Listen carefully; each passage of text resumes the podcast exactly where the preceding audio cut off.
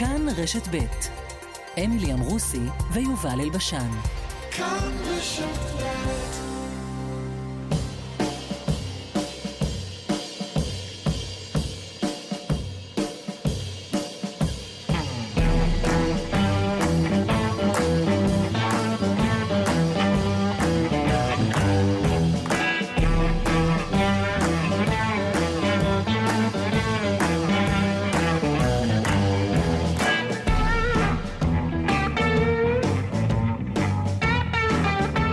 טוב לכם, אה, נראה אם תזהו מי הקול הבא. בוקר טוב, אמילי אמרוסי. מי זה? איך השתלטתי יפה פה בהיעדרנו על הקומפוזיציה, בוקר טוב. מאיפה נחתת לי פה מהחללית אחרי חודשים? חיכינו, יובל אלבשן, הפרופסור, יובל אלבשן, סוף סוף התוכנית הכי עונה לתואר, אמילי והפרופסור. Uh, אתה חזרת לעת עתה, כמו שאני מכירה אותך, אתה לא הולך לוותר על מה שמונח לך uh, בצדק, ואתה ת... תערער ותילחם על התפקיד שמתאים לא, לך, אבל אנחנו לא רוצים להרחיב על זה לא, פה. לא, לא, אנחנו בבמה הזאת לא נשתמש בכלל, חלילה, בשום דבר. אבל את יודעת, אימייל בשן, וואי, לא הספקתי להגיד לה לפתוח את הטלוויזיה היום. אימא אלבשן היא זאת שלימדה אותי, שזה לא חשוב כמה פעמים אתה נופל לרצפה, אלא מה כן. שחשוב זה כמה פעמים אתה לא קם. ובעצם מי שמנצח זה מי שממשיך ללכת גם כשהוא נעצר. טוב, אבל, אבל לעת עתה אתה פה, ואני רק אה, אה, נודה מאוד לאנשים שהשכימו קום ועזרו להחזיק את התוכנית הזאת אה, בזמן שלא היית. וואי, התגעגעתם, אליה. אה, כן, אני רק אגיד מי היה פה כדי להגיד להם תודה, באמת תודה. יאיר mm. רטינגר ועמיחי עטלי ונרי לבנה ודניאל בן סימון ואורי זקי ואיתן כבל ומיקי רוזנטל ודרור פויר ושוב נרי לבנה, פעמיים היא הייתה פה. אה, ואני החזקתי את הכל על כתפיי הדקות. העם כולו מודה לך איך עשית את זה, אבל לפני שנודה לך, בואי נודה למי שלקח חלק בתוכנית הזאת כרגע, חיים זקן, שאני מבין שהוא התנהג יפה בהיעדרי. חיים זקן החזיק את הלפיד. והדס סיוון, ועמית כהן, ואורנה ברוכמן, וינון סרוסי פה, אני רואה שהוא עדיין כאן, אני לא יודע בדיוק מה הוא עושה. אה. אבל uh, הוא איתנו, ולכל החבר'ה שברדיו. האמת, אני כמו אחרי, uh, את יודעת, כמו אפרופו ענייני שמירת נידה. כן. כאילו, כשנכנסתי היום לתאגיד, את יודעת, כל כך הרבה אנשים חיבקתי וחיבקו אותי ואהבתי. כן. זה כמו, פתאום אני מבין את העניין הזה שלה, לא?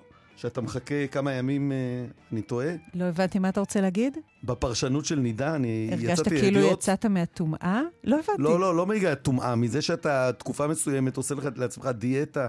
ולא מתקרב ולא רואה, ופתאום... אה, ואז התשוקה חוזרת, הבנתי. לא, כי אני לא רציתי לחבק אותך הבוקר אישית, אבל בסדר. מי שלא ראה, אסור לי להגיד וכולי, מי שלא ראה... את קבלת הפנים שאני קיבלתי מהגברת רוסי, כן. באמת. אני, אני כמובן אה, ישר אמרתי לך שבמשקל פה... לא השתנית. נכון. אתה גם אה, הנמכת לי פה את המזגן כדרכך, ואנחנו נמש, נמשיך לריב על המזגן לא, אה, לא, אנחנו לבין. חוזרים, אנחנו כבר היום הולכים להעליב אחד את השני, לריב אחד עם השני. הקשקושים הפופוליסטים שלך, הטרחנים שלך, ארוכים, בלתי נגמרים, זה הולך לחזור. אבל אתה יודע מה, נעלי הבית הישנות והמרופטות נוחות יותר מאשר כל, אין, כל להגיד, דבר אחר. אין מה להגיד.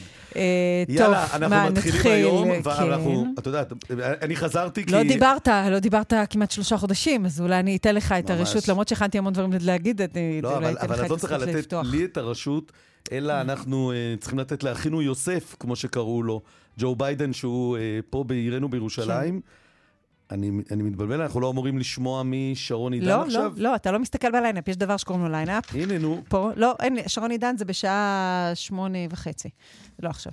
אה, אוקיי, יפה. וחוץ מזה שג'ו אה, ביידן אכל חביתה מטוגנת משני הצדדים. הבוקר הדיווחים המפורטים על הסלק הצלוי בארוחת הצהריים, ועל הטמפרטורה במזגן של הלימוזינה. לא, זה, זה, זה לא יפה, היסטורי, כי זה, זה קצת עונת מלפפונים שאין מה להגיד. רגע היסטורי? מה... עונת מלפפונים, דקה לפני הבחירות. אה, כן, אבל זה סיפור שבסדר, נשים... אה, אני רוצה אבל להגיד לך משהו... פרובינציאליות שבהתפעלות מזה שהוא אכל תותים, זה קצת... אגב, גם בוושינגטון כשהוא זז הם עושים את זה. אני אגיד לך אבל משהו על ביידן.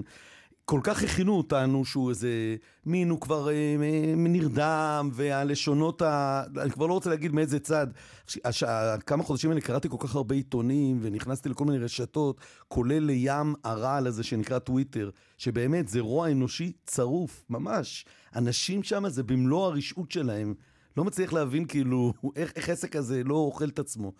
אבל אמרו על ביידן שהוא זקן וקשיש וסנילי ולא מבין, וכן וכן וכן וכן וכן. ווואלה, מגיע בן אדם, ערני, רץ, עם לוז מטורף. אני כל כך התלהבתי מזה שהוא שונץ, שהוא לקח שעתיים בצהריים לשנוץ, כאילו אמרתי, הנה, זו דוגמה. יש לו תפקיד יותר חשוב מאשר דיקן, והוא שונץ בצהריים. ובסוף הוא רץ ממקום למקום, והוא ערני, והוא מלך, והוא חם, והוא אוהב, ומה שהוא עשה עם שתי ניצולות השואה ב... שהוא התכופף אליהן. לא רק התכופף, התיישב איתם, ונגע בהם, ואמר לאחת מהם שהיא יפהפייה, וכאילו בכה איתם, וסיפר להם על אשתו, ואחרי זה אתמול בבית הנשיא הוא ניגש לילדים. בואנה, איזה יופי. עכשיו באמת, צחוק, צחוק, איזה יופי. למרות שהצחיקו אותי הילדים, כי הם קיבלו כנראה הנחיה להמשיך לנופף בדגלים האלה. אז כן. הנשיא מדבר איתם, והם עונים לו, והם מנופפים בדגלים.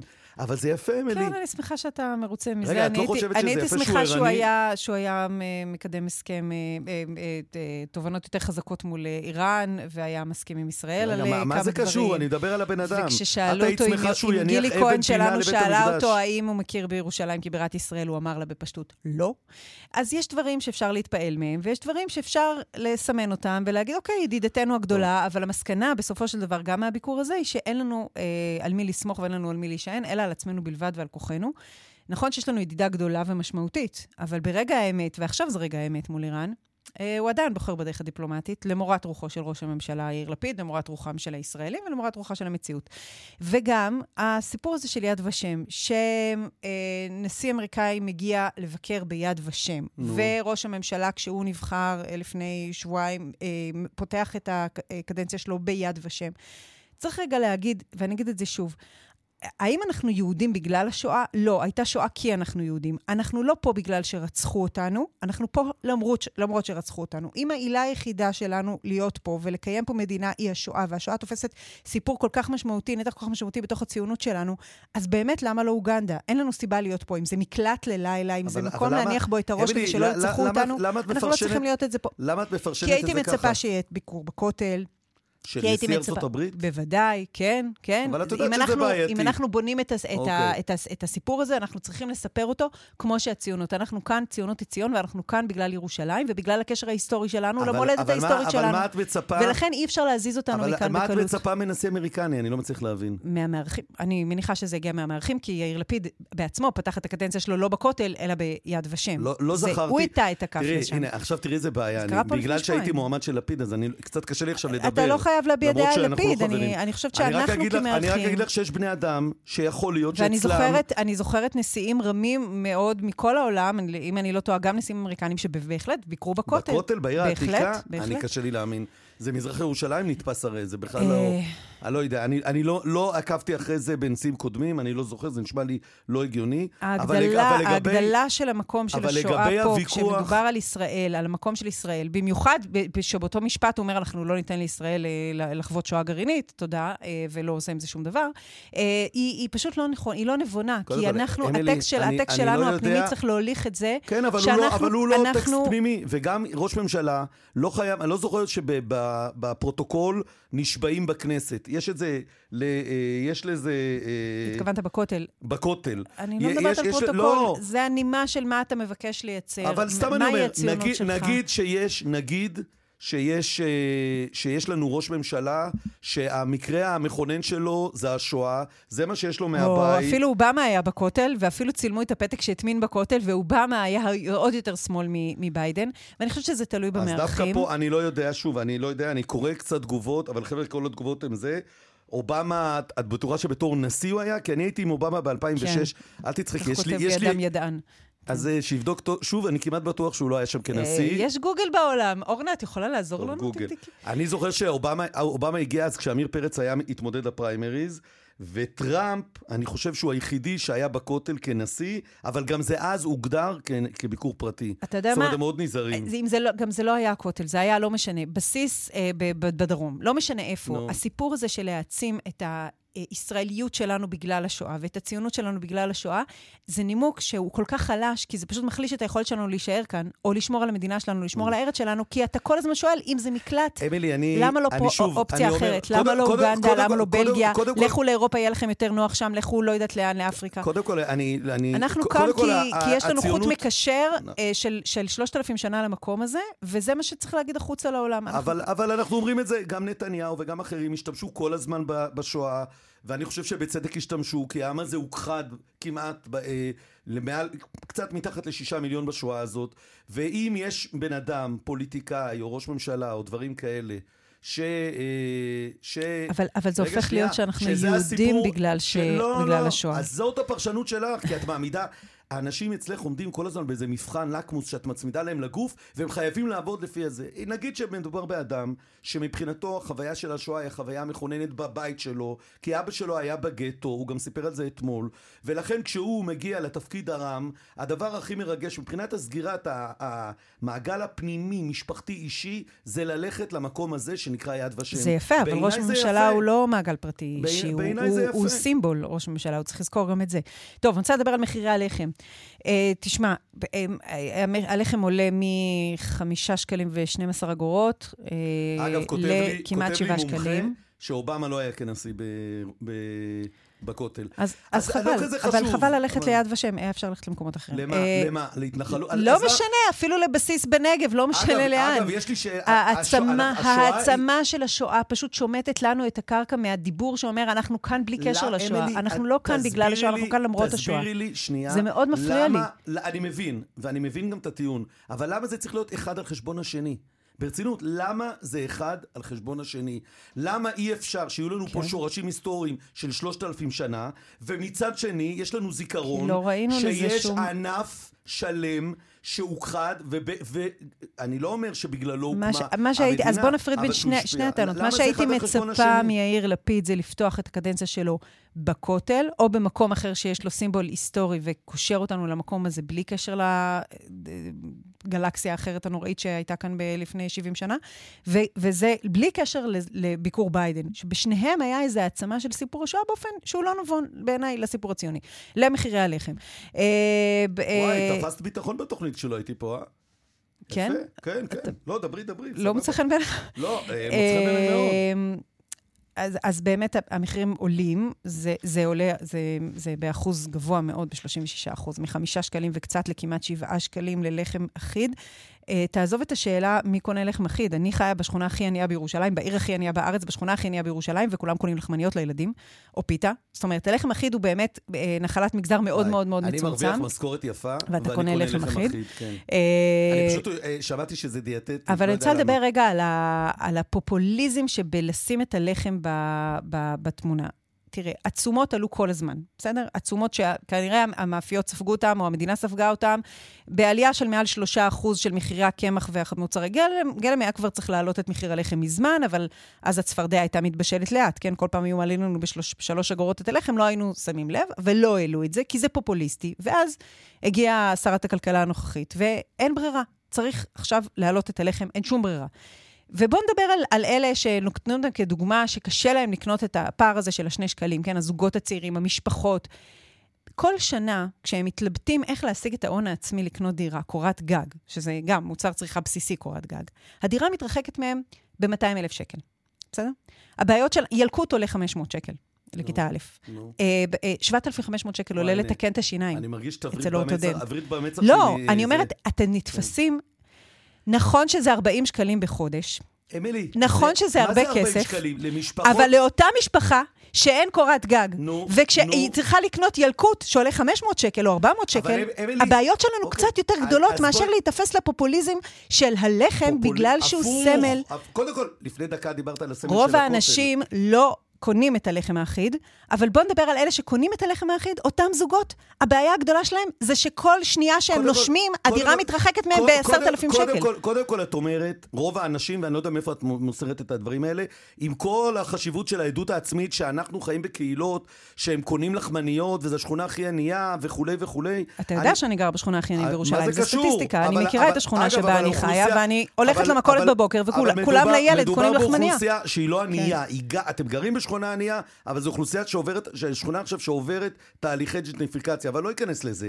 40 שקלים. לא, כשאני הולכת למכולת אני פוגשת את כולם. מדובר, ואם מדובר, אז, אז לא יכול להיות שאין שם לחם אחיד, אמילי. בטח שיש לחם עובד, אחיד, תקשיב, אבל אנשים אז, עם ילדים כבר פחות קונים לחם אוקיי, אחיד, והבעיה אז, שלהם זה לא הלחם האחיד. זה מה שאני לא, אומרת. אז אני רוצה להגיד לך... אני אומרת, הבעיה שלנו זה מחירי הדיור, הבנתי. זה מחירי, כל יוקר המחיה, שזה אמרת, בפרופורציה, אמרת לא דומה לא, בכלל. את, אבל את לא מבינה את הלב המרכזי של הסיפור כן. הזה. הלב המרכזי זה שבלי לחם ובלי אוכל אי אפשר לחיות. בלי כן. דירה אפשר לחיות, אפשר בלי לשכור. בלי ילקוט לילד אפשר ציבורי. לחיות. בלי ילקוט חדש לילד כל שנה, אפשר לא, לחיות. ילד שעולה לכיתה א', עולה, היום יש בממון של ידיעות אחרונות כמה עולה ילקוטים. אמילי, את חייבת לתת לי אבל לדבר כן. גם. בסדר? הסיפור של הלחם הוא סיפור שבלי זה, זה כמו אוויר, זה כמו מים, זה כמו חשמל. את לא יכולה להשוות את זה לשום דבר אחר. אני טיפלתי בעשרות אלפים, ואפילו יותר, אנשים, כן. שלא הייתה להם דירה, ולא תהיה להם דירה עד היום האחרון, כן. וחלקם זכו לקבל עמידר ועמיגור וכאלה, וחלקם לא. וזה אנשים שלא קונים תיקים, והיה עמותות כמו פתחון לב שהיינו עושים את העניינים, שהיינו מחלקים תיקים, וכן, אם אין תיק אז הם ייקחו את התיק של, הח... של השכן, או שלא נעים להגיד, את מורידה את התיק, כי הילדים שלנו, גם שלי ככה היו, אני לא בא בתלונות, היו כל שנה תיק חדש, או כל שנתיים, או דברים כאלה, אז התיקים האלה נשארים, והיה מי שלוקח אותם, ואנחנו בעמותת ידיד גם חילקנו אותם וחידשנו, אבל לחם, אין להם, בלי לחם, כמו בלי מים, על ניתוקי המים, כמו בלי חשמל, זה דברים אחרים. ולמי שלא אתה מבין... אתה מדבר על השוליים, הכי שוליים, נכון? אני, לא. אוקיי. ממש, השוליים האלה, ממש... אני שואלת אותך, השוליים האלה. נו. כשהלחם עלה חמישה שקלים ושהלחם עלה שבעה שקלים, יכול להיות שהם... קשה להם באותה מידה. תקשיבי טוב, לא. באותה מידה. לא. כי הם רגילים, לא. כי אצלי ואצלך, אמילי, אם אנחנו ניכנס לאובר של עוד אלף שקל בחודש, ואני היום מרוויח יפה, אז זה גם יכול להיות יותר מאלף שקל לחודש, אני, יהיה לי קשה, עשרת אלפים יהיה לי קשה, אבל אני שורד בקלות רבה, חודש הבא זה ישתלם לי. יש אנשים, וזו לא פופוליזם, זו תמונת המצב, שבשבילם, ואם זה משפחה גדולה, זה לא לחם אחד, יקירתי, זה הרבה לחמים. המשמעות יכולה להיות 100-200 שקלים לחודש, אין להם את זה. וזה אנשים שמרוויחים שכר מינימום, שסתם אם אני אתרגם לך את זה, עכשיו בעניינים, שוב, אני לא נכנס לשום דבר שקשור. כבר תרגמו, אמרו 40 שקלים בחודש, יותר למשפחה. לא, תלוי לאיזה, איך אפשר לתרגם את זה? אם זה עולה לך מ-5-9, מ-5-7... 5-12 ל-7. הנה, אני אגיד לך בדיוק. זה עכשיו יעלה ל-7.1 או, או ל-6.9, לא חשוב. ל-6.96. קחי עוד שני כן. שקלים פעמיים ביום, כי זו משפחה גדולה. כן. אל תשכחי שדוחפים לחם למלא דברים, וזה אני אומר לך גם כמי שגדל, כמי שלצערו גם אצלי זה היה. כן. ב- לא שבאתי ממשפחה ענייה, חלילה, אמא שלי שומעת, לא, לא, אבל שדחפו לחם לקציצות, שדחפו זה... אבל אני כל... איתך, אני לא נגדך. אז אמילי, רק תביני, אני רק רוצה להגיד, היא... שנייה, אבל יש, לאותה משפחה, יש צרה יותר גדולה מאשר 40 שקל. יש לה, כי הילד צריך טיפול שיניים. כן, הוא צריך אורתודנט, אבל, גם אבל... יל... אנשים מאוד עניים, הילד שלהם צריך אורתודנט. אורתודנט לא מסובסד על ידי המדינה, זה עולה 7,500 שקל לפחות. לליצמן, תודה לליצמן של לפחות... זה רק, סתימות. רק סתימות לא, וזה.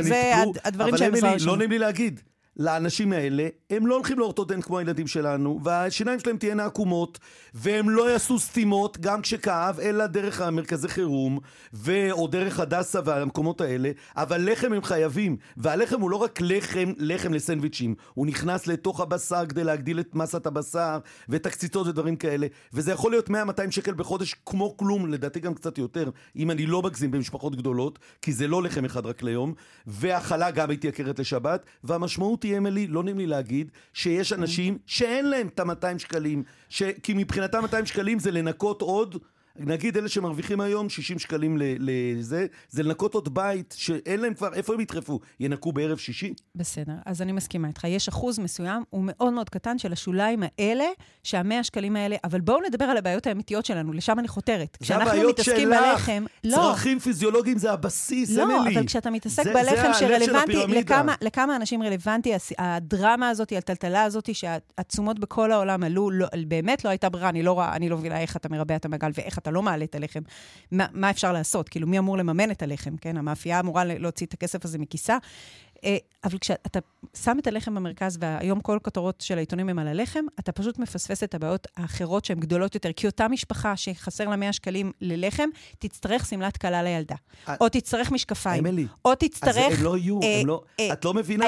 תשמע, גם הילדים הכי עניים, והם לומדים בכיתה של הבן של ילדים הכי עניים, כשהם הולכים לבריכה עם, החברים שלהם, יש להם קרם הגנה בתיק. וכשקרם הגנה עולה 70 70 אז אה, יש עוד, בעי, עוד בעיות ביוקר המחיה, זה פשוט פופוליסטי אמילי, לשים, לא למרוח את הכותרות על הלחם. זה הצורך הבסיסי, ואני לא, לא נעים להגיד לך, יש ילדים שלא הולכים לבריכות, אנחנו, אני, אני עבדתי איתם. יש ילדים שלא אני, נרשמים לקייטנה מסובסדת ב-600 שקל אפילו. הבעיות הן יותר גדולות מאשר לך, הלחם. לך. נורא קל להיתפס ללחם, לא. לשם אני חותרת. אני אומרת לך, זה לא בסדר להסתפק בלדבר על הלחם. כש... אה, אוקיי. אז אותם זוגות מסכים, צעירים, ש-40 שקלים בחודש בלחם האחיד, אם הם קונים לחם אחיד, בסדר? הזוגות הצעירים לא קונים. אגב, יעלה, יעלה להם גם משהו, אבל אם הם קונים, 40 לא חשוב, שקלים הקמח האלה, ת- יעלה בכל מקום. זה לא הדרמה הגדולה שמפרקת את חייהם, הדרמה הגדולה שמפרקת את חייהם זה כשהם יושבים עכשיו, והם כבר כמה שנים מחכים לאסוף את ההון העצמי שקל לשקל לרכישת דירה, וכל שנייה שהם נושמים, הדירה את- מתרחקת את מהם מדברת- בחצי מיליון את שקל. מדברת על קבוצה... מה עושים עם זה? את מדברת... עם- לא, אה, סליחה, על רוב את באה האוכלוסייה. מאזור שבע, לא. נכון. אני לא באה מאזור את שבע. באה מאזור שבע, לא אמילי, לי שקונה דירה. לא, במובן זה שגם אני שמה. 80% מהאוכלוסייה בישראל קונה דירה. אנחנו בוא נדבר עליהם רגע. ש- הם קודם לא כל, יכולים. ב- בסך הכל יש 80 אחוזים. אחוז יש להם בדור, של, דירה. בדור הקודם, כן, בוודאי. 80 אני לא אחוז מק- הם בבעלות אה, של דירה. סליחה שאני אגיד, אני לא מכיר את זה. כמה אחוזים? ועסקתי הרבה פחות, ורובם לא בעלי דירות. כמה? כי יש להם משכנתאות, והיום הם לא יכולים גם לקנות, כי בגלל החוק הטוב מאוד, אז תגיד אחוזים. נו, אני בסדר, לא אנחנו מדברים על- רוב. האוכלוסייה. רוב האוכלוסייה שלהורים שלהם הייתה דירה, לא יכולים לקנות היום דירה. וצריך לשאול מה עושים עם זה. איך מטפלים בבעיות אבל שוב, הגדולות. למה, זה כמו שאת עושה עם השואה. למה זה על חשבון זה? הלחם הוא מוצר בסיסי שצריכים לא, אני- לזעוק פה זעקה גדולה אם הוא עולה כי ברבע אתה- שקל. כי אז אתה שם רק, אתה שם את הצעקה שלך על זה. לא, אני גם כן. רוצה דירה, ואני גם רוצה, אני רוצה ש... אה, אתה יודע איך זה, כששר. האוצר מונח לפתחו משהו, והוא צריך להחליט זה- מה עושים, אז הבסיס. יש, יש שאלה האם אתה תוריד מיסים, האם אתה אה, ת, ת, תאפשר יש- מחשבים לילדים שאין להם מחשבים, מאיפה, על אגב, משהו אני, צריך אני, לוותר. אני אשאל? אותך, אם ינתקי לשים מים... עכשיו את כל, ה, את כל הזה על האגורות של אוקיי, הלחם, אם- זה, אם העלים- סליחה, אגב, אם- מדבר על אוקיי. שוליים של השוליים, שאותם לא- שוליים, גם אני רואה בעיניי, אני גרה עם השוליים האלה, אני גרה בר- ברחובות הכי קשים בירושלים, נו. אני רואה בעיניים שאינם קונים את הלחם האחיד, קונים אוקיי. לחמניה לילד. אז אני לא, אני לא יודע מי זה, אני רק אגיד לך שמים וחשמל, שהיה מאבק מאוד גדול, שנעשה כדי לא על לתת... החשמל, שנייה, למה מוותרים על זה שנייה, כזה בקלות שנייה, ועוברים לדבר על. הלחם? החשמל זה, זה, זה- מאות אני- שקלים, זה הבסיס. הלחם זה, זה שני שקלים. יש, יש משפחות שהחשמל מחובר להם דרך כל מיני מכשירים שמאפשרים להם רק מקרר, והם לא יכולים נגיד לראות טלוויזיה, ואם יש להם אמצעים רפואיים וכו'. עכשיו, אני לא יודע מה זה שוליים שוליים. כל אחד מאיפה שהוא יושב, משהו אחר נראה לו שוליים. ב- יש שכבה לא קטנה בכלל בישראל, לא כן. קטנה בכלל בישראל, שחיה בעוני, שהמשמעות של ה-100-200 שקלים האלה היא גדולה עבורם. זה אנשים שקונים ירקות, את, את יודעת מה? בואי היום למחנה יהודה ותראי מה קורה בירקות החינמיים, ואז תביני. אני יכול להגיד לך, לעמותה המשפחתית שלנו, מטבח של פסיה, אני לא עושה זה, עמותה, המשפחה לוקחת כסף, את יודעת את זה, מחלקים אוכל בג'סי כהן ובדרום תל אביב וכולי, מקומות כאלה. את צריכה לראות איך אנשים מתנפלים, וזה לא...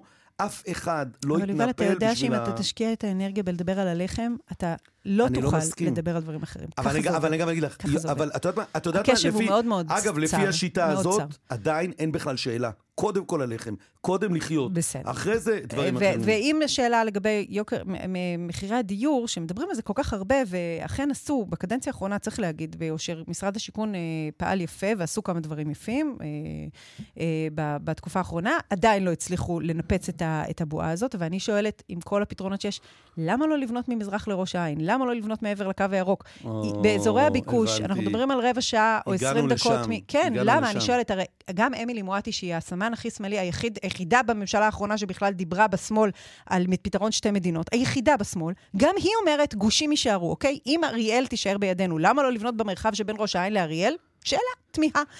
הרי היינו יכולים לה, באמת להוריד את מחירי הדיור, כי אנשים אומרים להם לכו לערד, הם לא הולכים לערד, אומרים להם לכו לשלומי, הם לא הולכים לשלומי, פחות. רוצים לגור באזורי הביקוש. אזורי הביקוש, עשר דקות מראש העין, מה שקראו פעם חמש דקות מכפר סבא, כן? חמש דקות מכפר סבא, אתה יכול לבנות המון, כי יש שם קרקעות לעשות? עצומות, ש- מרחבים ש- ריקים. ש- אה, שאם אנחנו רוצים... ואם היינו משחררים את מהסיב- השטח הזה אמילי, לבנייה, אז מהסיבה- היינו מורידים את מחירי הדיור באזורי הביקוש. מהסיבה המאוד פשוטה, כן, קראתי איזה דוקטור אה, לתלמוד שכותב ספר בכלכלה, שהערכת אותו פה גם, שאמר משהו... כן, דוקטור הלל גרשוני, כן, ששם הספר חי- שלו הוא כסף של חי- אחרים. שהוא חי, כן, אה, שהוא חי, אה, הוא דוקטור תלמוד, לא? לא אני. חושב. אבל שהוא חי בהת... בהת... בהתנחלות, ב... ב... לא בגושים האלה, במקומות אחרים, ואז גם הייתי אומר לך את השיקולים האלה של ה... האם כדאי לשים את הכסף שם, והאם אתה יכול לבוא ולהגיד לאנשים, תחיו במקום הזה ולא במקום הזה, האם, האם מפונקים שלא רוצים לחיות במקום אחר, והמדינה מממנת אותך במקום הזה. שאלה. אבל, אני לא, רוצה על להגיד... המתנחלים אתה לא יכול להגיד שהם מפונקים. מי מה? שגר בגב ההר מפונק, הולך לגור סליחה, בתנאים מאוד אני קשים, לא, אני... תחת איום ביטחוני אני לא מתמיד, נגד- מפונקים אתה לא יכול להגיד אני לא עליהם. נגד המפונ... אני לא נגד המתנחלים, אבל המדינה מממנת אותם שם. במה? שומרים עליהם, לא? לא, לא? ממש לא. 아, אה, משנת 2003, לא. לא. כן. לא שומרים משנת עליהם? 2003, אוקיי. אין אבטחת יישובים, יש חברות אה, אבטחה פרטיות. שמי משלם משלמים את זה? 180 שקל לחודש למשפחה. אני במשך 11 אגב, שנים זה שילמתי מממן, זה מממן? את חברת השמירה. 180 שקל מממן? החיילים שומרים על הכביש. אה, מי זה החיילים? רגע, שנייה, אם אתה גר במושב במרכז הארץ ויש עליך איום ביטחוני, אתה תשלם לחברת שמירה? לא, אתה תשלם לחברת שמירה נגד גנבים, לא כהגנה על הנפש. מתנחלים משלמים כסף כדי לשמור על עצמם. 180 שקל, לא- אני אומר לך כמי שמנהל קמפוסים, את לא מממנת רבע, גם אם יש לך 100 משפחות ביישוב. וגם אם המדינה מממנת את השמירה על הכביש, מה שאכן קורה, שומרים על הכביש, זה מה שקורה בגבולות הארץ. אז אתה לא יכול... כי יש לנו חיילים גם בצפון הארץ וגם בעוטף עזה, זה הדרך לשמור על הגבולות. אני רוצה להגיד לך משהו.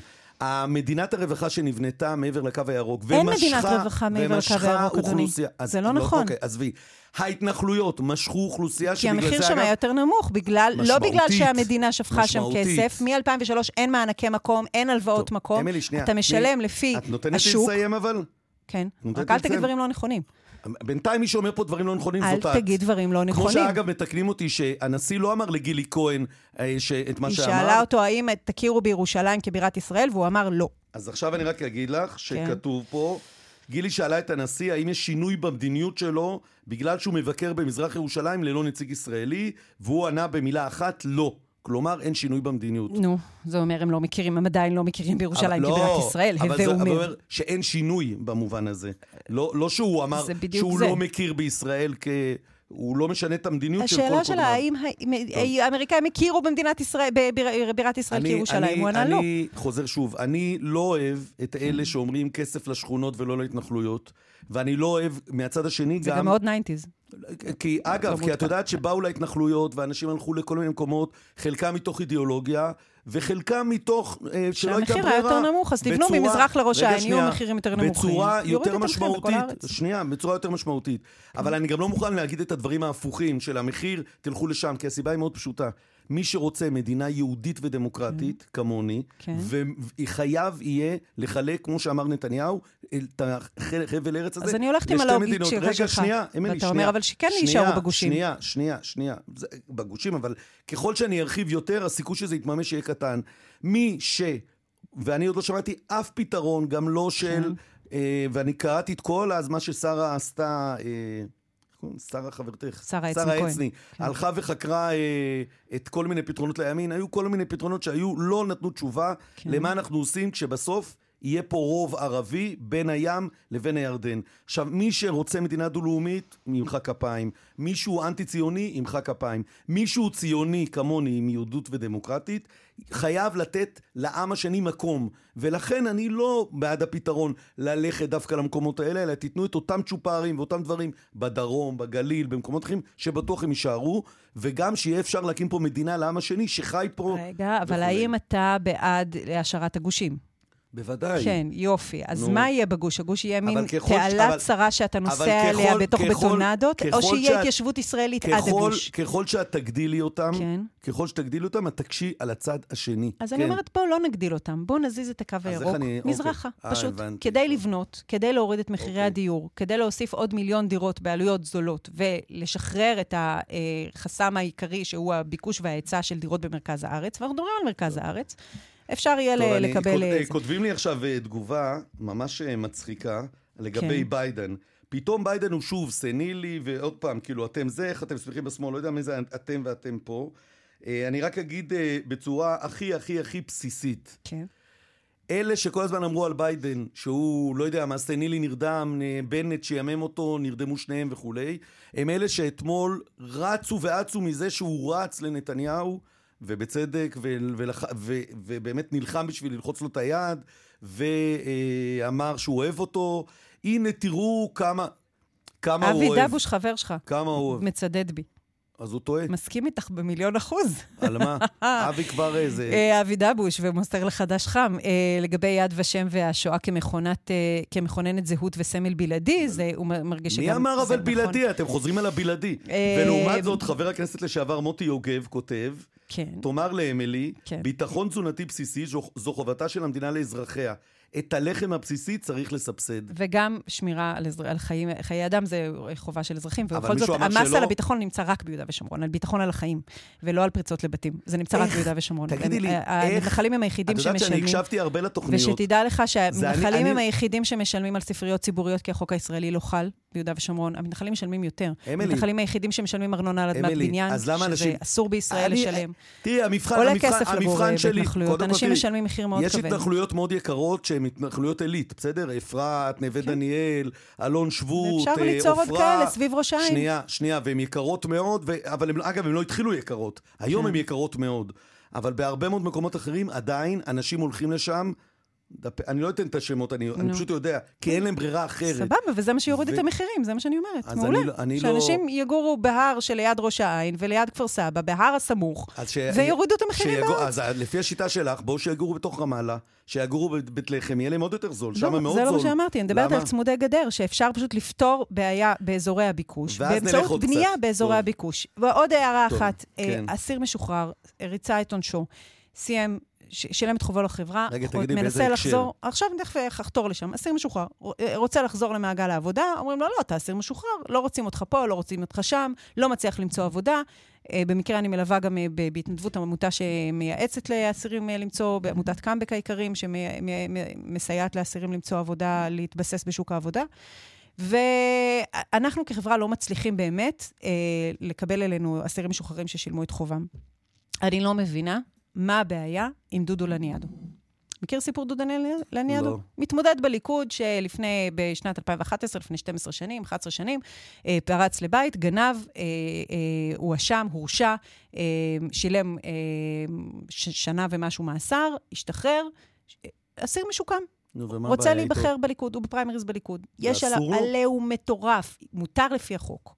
אבל העיתונות משתמשת ב- מצד... בסיפור הזה כהנה העבריין המורשע, ואתמול הייתה כתבה של ציון ננוס על זה שבכלל גם יש חברי כנסת שתומכים בעבריין ובאסיר המשוחרר ל- ל- לבחירה בכנסת. אם אנחנו חברה שבאמת מאמינה, מאמינה באמת שבן אדם משלם את חובו לחברה ויכול לתקן, ויכול גם לחזור למעגל העבודה וגם להשתקם, ויש אסירים שמשתקמים נהדר, ואם אנחנו באמת מסתכלים באופן חמוץ על מאפייה שלא מפסיקה, אסיר משוחרר אומרים, מה הבעיה שלכם? איך אתם רוצים שהוא בכלל ישתקם ולא יחזור למעגל הפשיעה.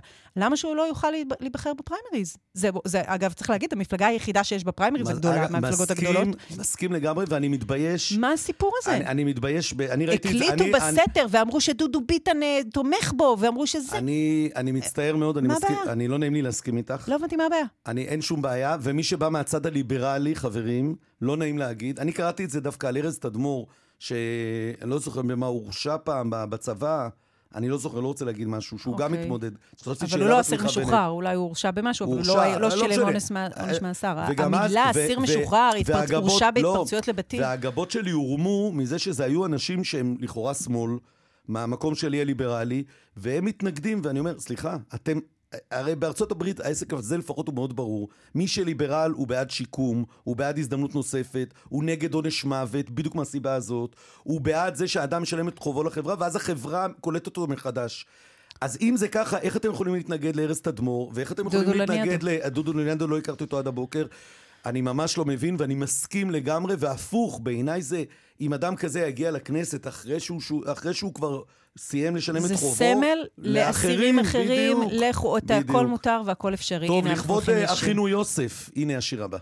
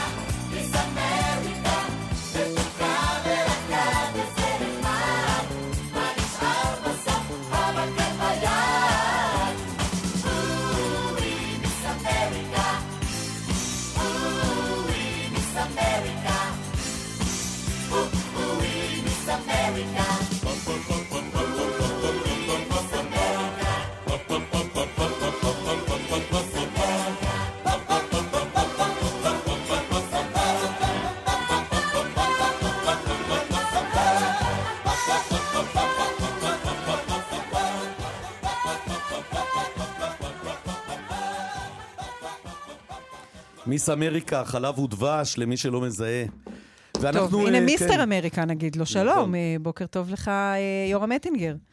בוקר אור. מומחה ליחסי ישראל-ארצות הברית והמזרח התיכון. רוצים לדבר איתך על הביקור הנוכחי? האם ארצות הברית מסייעת לנו? או משקיעה בנו? ארצות הברית רואה בישראל אתר של מכפלן עוצמה גם דולרי וגם אסטרטגי, שאין לו אח ורע בעולם, ובניגוד לתובנה המקובלת שרואה בישראל מדינה שמסתייעת על ידי הסיוע החוץ-אמריקאי בהיקף של 3.8 מיליארד דולר בשנה, המציאות המתועדת למשעי היא שארצות הברית משקיעה בישראל 3.8 מיליארד דולר בשנה, והתשואה הדולרית על אותה השקעה היא פי חמש, פי שש, כלומר תשואה שאין לה תקדים למשלם המיסים האמריקאי, והדבר הזה מתבטא למשל בעובדה שישראל מקבלת מהאמריקאים, ועל זה מגיעה להם תודה עמוקה, מטוסי קרב. אבל כל מטוס קרב אמריקאי, F-15, 16, F-35, כולל מאות, ואני לא מגזים, מאות שדרוגים מבית היוצר הישראלי, כי מבחינה מעשית, ישראל היא מעבדה בתנאי קרב עבור כל אחד ממאות מערכות הצבאיות, מערכות הלחימה, שאנחנו מקבלים מהאמריקאים. אבל השגריר אנחנו... אטינגר, אם ככה, זה לא שהיא משקיעה ויש תשואה, אלא זה ווין ווין. הם נותנים לנו, ואנחנו נהנים מזה, ודרך זה גם הם רוכשים ניסיון והבנה. איפה פה התשואה פי חמש? זאת אומרת, איפה פה באמת ההשקעה הגדולה? התשואה היא כאשר uh, אתה יצרן של ה-F-35 או F-16 במדינת טקסס. אתה יום-יום, יום-יום מקבל מחיל האוויר הישראלי לקחים הקשורים למבצעים, לתחזוקה, לתיקונים. וזה משפיע למשל, כפי שאמר לי אחד ממנהלי המפעל, לוקיד אה, מרטין, שמייצר את אותם שני מטוסים, זה אומר שתא הטייס של ה-F-16 הוא פחות או יותר 50 אחוז מעוצב כתוצאה מלקחים הישראלים. מערכת הירי, 75 אחוז. הכנפיים של המטוס מושפעים מהלקחים של חיל האוויר הישראלי. הלקחים האלה מועברים ליצרנים בארצות הברית. ויש כן. מאות כאלה, כמובן משום שאנחנו רוצים לקבל בפעם הבאה מוצר או מערכת טובה יותר. זאת אומרת, אבל... היחסים האלה זה גם, אה, זה גם ו- אה, ולכן, השקעה... אגב, ולכן מקימים מרכזי פיתוח פה, ולכן האמריקאים... לא, לא, אבל אה, מה שאני אומר הוא שהתוצאה היא שאנחנו חוסכים לאמריקאים, למשל במקרה של ה-F-35 או F-16 או F-15, בין 10 ל-20 שנות מחקר ופיתוח, שזה כשלעצמו כבר בהיקף של מיליארדי דולרים.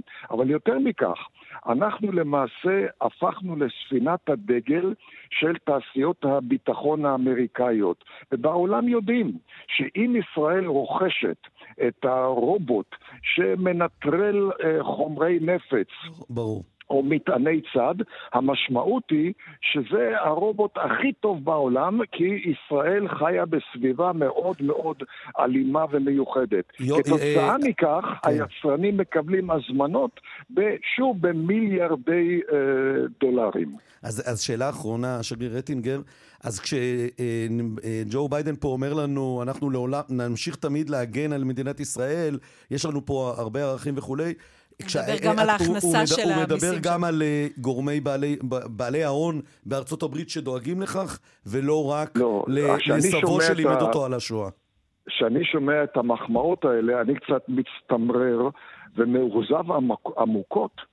שבר השיח הישראלי לא אומר לנשיא ביידן או למזכיר המדינה בלינקן או לכל אורח חשוב אחר מארצות הברית, תודה רבה, אבל אני רוצה להזכיר לך שהכביש בינינו הוא דו-סטרי. אתם מסייעים לנו ואנחנו מחזירים לכם בריבית דריבית, ויותר מכך, בשנים האחרונות התנועה מירושלים לוושינגטון, במונחים של מחקר ופיתוח וייצוא וייצור והרחבת בסיס התעסוקה, התנועה מירושלים לוושינגטון היא עמוסה יותר ויותר לתועלת משלם המיסים האמריקאי. הזכרת, יובל, מרכזי מחקר ופיתוח. יש למעלה מ-200, 250 ענקי הייטק אמריקאים בישראל שמשקיעים פה במרכזי מחקר ופיתוח, לא בגלל שהם אוהבי ציון. אלא משום שהם יודעים שכוח המוח הקיים בישראל מבחינת חדשנות ותעוזה, אין לו אח ורע בעולם. ואותם מרכזי מחקר ופיתוח משדרגים את הייצור אה, האמריקאי, הייצוא האמריקאי. ועכשיו, ורב... ואנחנו חייבים לסיים, אבל האם העובדה שהרבה מאוד מהמוחות הישראלים עכשיו נמצאים כבר בעמקים כלשהם בארצות הברית, האם זה ישנה? אנחנו חייבים לסיים, כן. אין לנו זמן. פשוט המוראיין הבא שלנו על הקו, ונשארו לנו ממש מעט דקות עד סוף השעה הזאת. אבל זה היה חשוב מאוד. אה, השגריר יורם אטינגר, מומחה ליחסי ישראל-ארה"ב והמזרח התיכון. חשוב מאוד. ישראל היא לא רק מסייעת, ארה"ב לא רק מסייעת לישראל, אלא לדבריך היא משקיעה בה, וצריכים לזכור את זה. תודה, יורם. תודה ושבת שלום. בוקר טוב, ובוקר טוב גם ל... אה, מיכה גודמן. דוקטור מיכה גודמן. אה, חברנו מיכה גודמן. מורנו ורבנו. אה, אנחנו... הלוואי, הלוואי שהיית לומדת ממנו קצת. היא עשתה לי אפצ'י עכשיו בשידור חי. לא יודע מה הלך פה כאילו כשלא לא, הייתי. לא, כי אתה לא עושה דברים בשידור, אני לא רוצה לפתוח. סליחה, כשהמיקרופון פתוח? דוקטור גודמן, בוקר טוב. יצאה גרסה חדשה של ספר הכוזרי בעברית מחודשת. זה מאוד מרגש אותנו עם אה, עיבוד של מיכאל שוורץ בהוצאת ידיעות ספרים, וזו הזדמנות לדבר איתך, כי אתה אה, באמת אחד המומחים לכוזרי ו- ולמחשבת ישראל בכלל. קודם כל, רק נגיד שקודם כל הספר הוא מדהים, סליחה שאני אומר, הוא יצא בידיעות ספרים, אני סופר של ידיעות ספרים, גם את, אבל הספר הוא, אה, הוא מהדורה שהוא באמת נגישה לאנשים בעברית כמוני. בעברית בת זמננו, בסדר? כן. אני לא צריך את מיכה כל פעם לשאול אותו מה זה אמר זה ומה זה אמר זה, זה ברור. מיכה, בוא ספר לנו קצת על הספר הזה ועל ההשפעה אה, שלו, העמוקה שלו על עולם הרוח היהודי. כן. מתכוונים לספר הכוזרי המקורי, לא, לא דווקא לתרגום החדש נכון, והמעובד נכון, של נכון, כן, נכון. אתה יודע, הספר שכתב ידידנו גם, ידיד המערכת, רבי יהודה הלוי. רבי יהודה הלוי, כן. אז זה ספר שנכתב ככה, קשה לתאריך בדיוק, אבל אזור 1140. אה, כנראה שהוא נכתב במשך 20 שנה, יש עדויות שונות על שלבים שונים בכתיבה של ספר הכוזרי. רבי יהודה הלוי כותב אותו בהרבה מקומות, לאורך כנראה הרבה זמן, כ-20 שנה.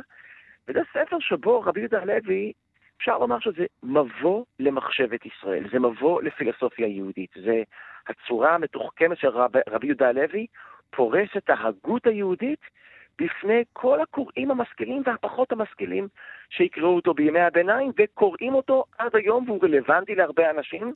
אגב, זה ספרו היום. היחידי של, ה... של אריאל? של רבי יהודה הלוי? רבי יהודה הלוי היה, היה מוצרט, זאת אומרת, הוא היה מחבר יצירות נורא מהר ויצירות מדהימות, אבל רוב היצירות שלו הם שירים, כולם מכירים את השירים נכון. שלו. כספר הגות, זאת, זה היצירה שלו. זה המאסטרפיס שלו. ו... שנכתב בכלל בערבית, נכון?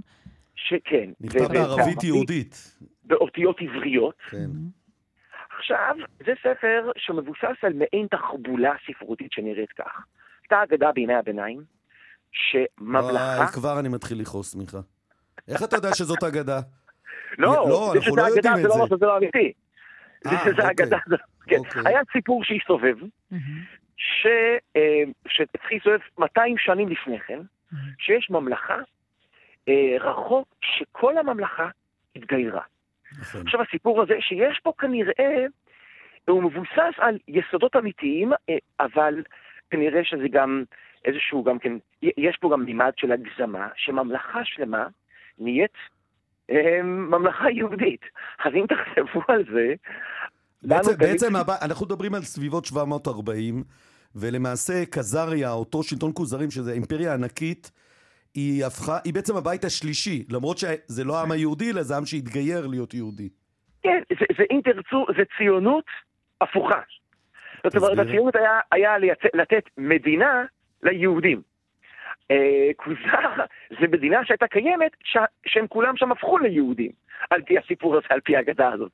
זאת אומרת... אני יודע, אני יודע שאתה לא מומחה לזה, אתה הזהרת אותנו גם מראש, אבל, אבל אנחנו כן יודעים שהיו בבית השלישי הזה, אני מצטער לכל החברים שכתבו מיליון ספרים על הבית השלישי פה, אבל בבית השלישי ההוא היה מלך בשם עובדיה.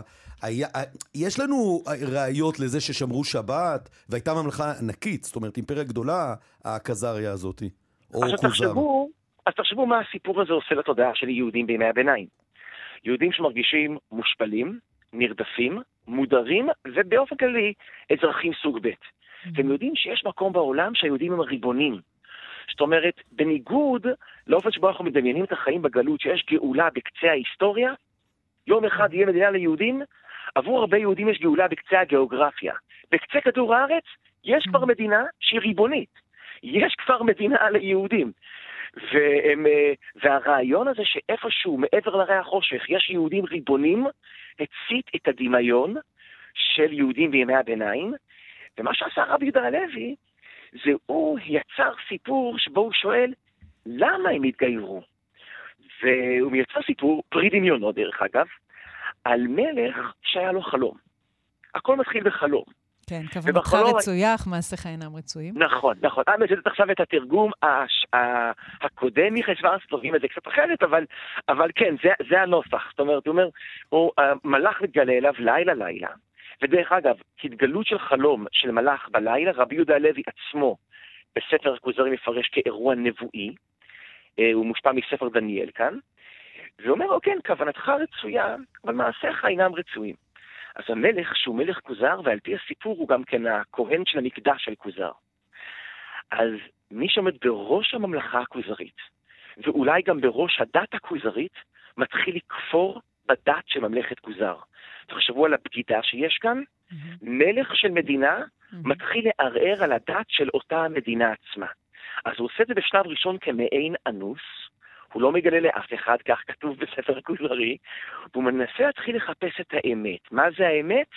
הדת, המעשים שאותם רוצה האלוה. אז הוא קורא בהתחלה לפילוסוף אריסטוטלי, מתחקר אותו, והפילוסוף מהז'אנר האריסטוטלי אמ, לא מצליח לרצות אותו מבחינה פילוסופית. Mm-hmm. אז הוא עובר לתיאולוג נוצרי, גם הוא לא מצליח לרצות אותו, אחר כך לחכם מוסלמי, ואז בסוף הוא אומר דבר כזה: לא רציתי לקרוא לחכם יהודי, למה? בגלל שההיסטוריה מוכיחה שהם טועים. הרי אם היהודים הם עם מושפל ונרדף, כנראה שאלוהים לא איתם, לא בצד שלהם. אז זה אגב אחד הצעדים הראשונים שעושה רבי יהודה הלוי, הוא מספר לנו שההיסטוריה מלמדת מי צודק, וההיסטוריה מלמדת לכאורה שהיהודים טועים. אבל הוא אמר, אבל מכיוון שכל השאר אכזבו אותי, אני אקרא לחכם היהודי, שמכונה חבר, חבר זה בשפת uh, התלמוד, בניגוד לעם הארץ, חבר זה כאילו אינטלקטואל, תלמיד חכם, והוא קורא לה חבר, ו... והחבר מפתיע אותו בתובנות מאוד מאוד מחכימות. Mm-hmm. אז הוא נשאר לדבר איתו, ובאיזשהו שלב המלך משתכנע, מתגייר, אחר כך הוא יוצא מהארון, אה, מגלה לכל ממלכת כוזר שהמלך של כוזר בגד בדת כוזר, ולא רק שהם לא עושים עליו לינץ', אלא כל ממלכת כוזר מתגיירים. אבל, כן. אבל הנה הקטע.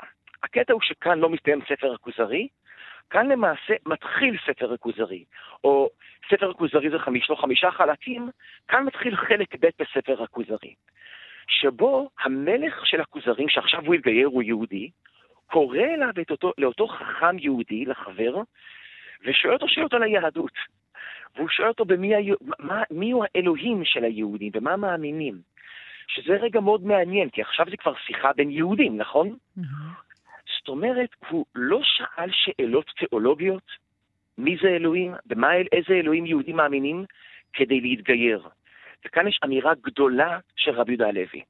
כשזה מגיע ליהדות, אפשר להיות יהודי טוב גם בלי אמ, בהירות תיאולוגית, גם בלי... אמילי. כן. כן, כן, שימי לב. אני, עם האמונה התמימה שלי. מה זה אמונה תמימה? בלי בהירות תיאולוגית, אני... אמילי, כשמדברים על אמונה תמימה, מתכוונים רק אלייך. היית צריך לראות איך נדבקתי אתמול לכותל, בלי שאמרו לי כלום, לא, בלי שום לא, דבר. בדברים האלה, לא צריכה הוכחות. לא רוצה לספר למיכה לאן רצית לגרור אותי בשביל לתפילות לקראת התפקיד. כמעט הרגת אותי באחד כן, מהם, למזלנו, כן.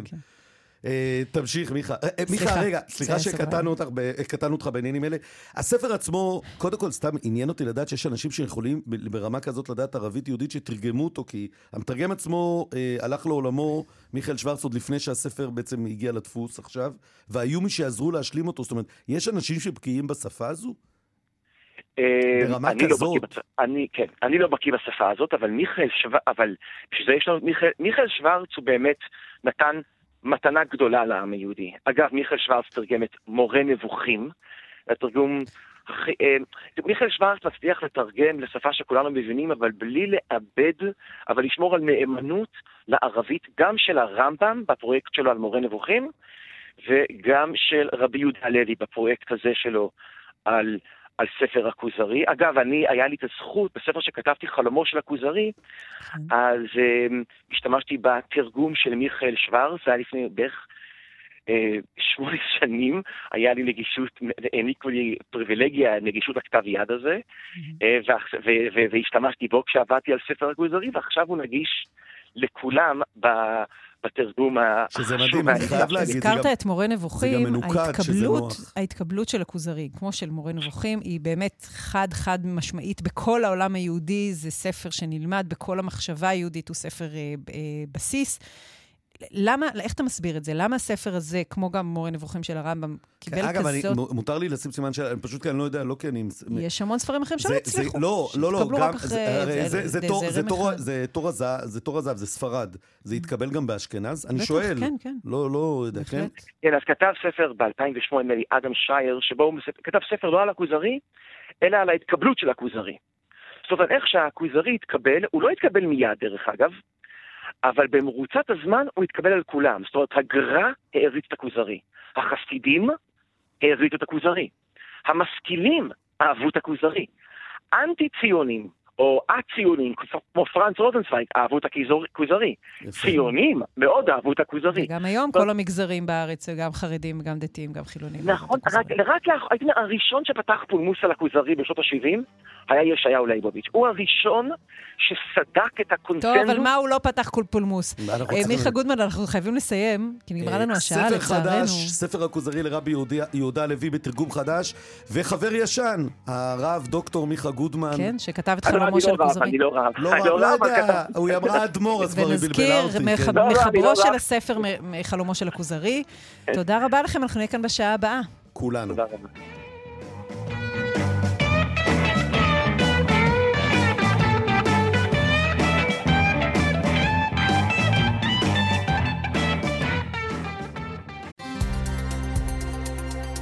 רשת ב' אמיליאם אמרוסי ויובל אלבשן.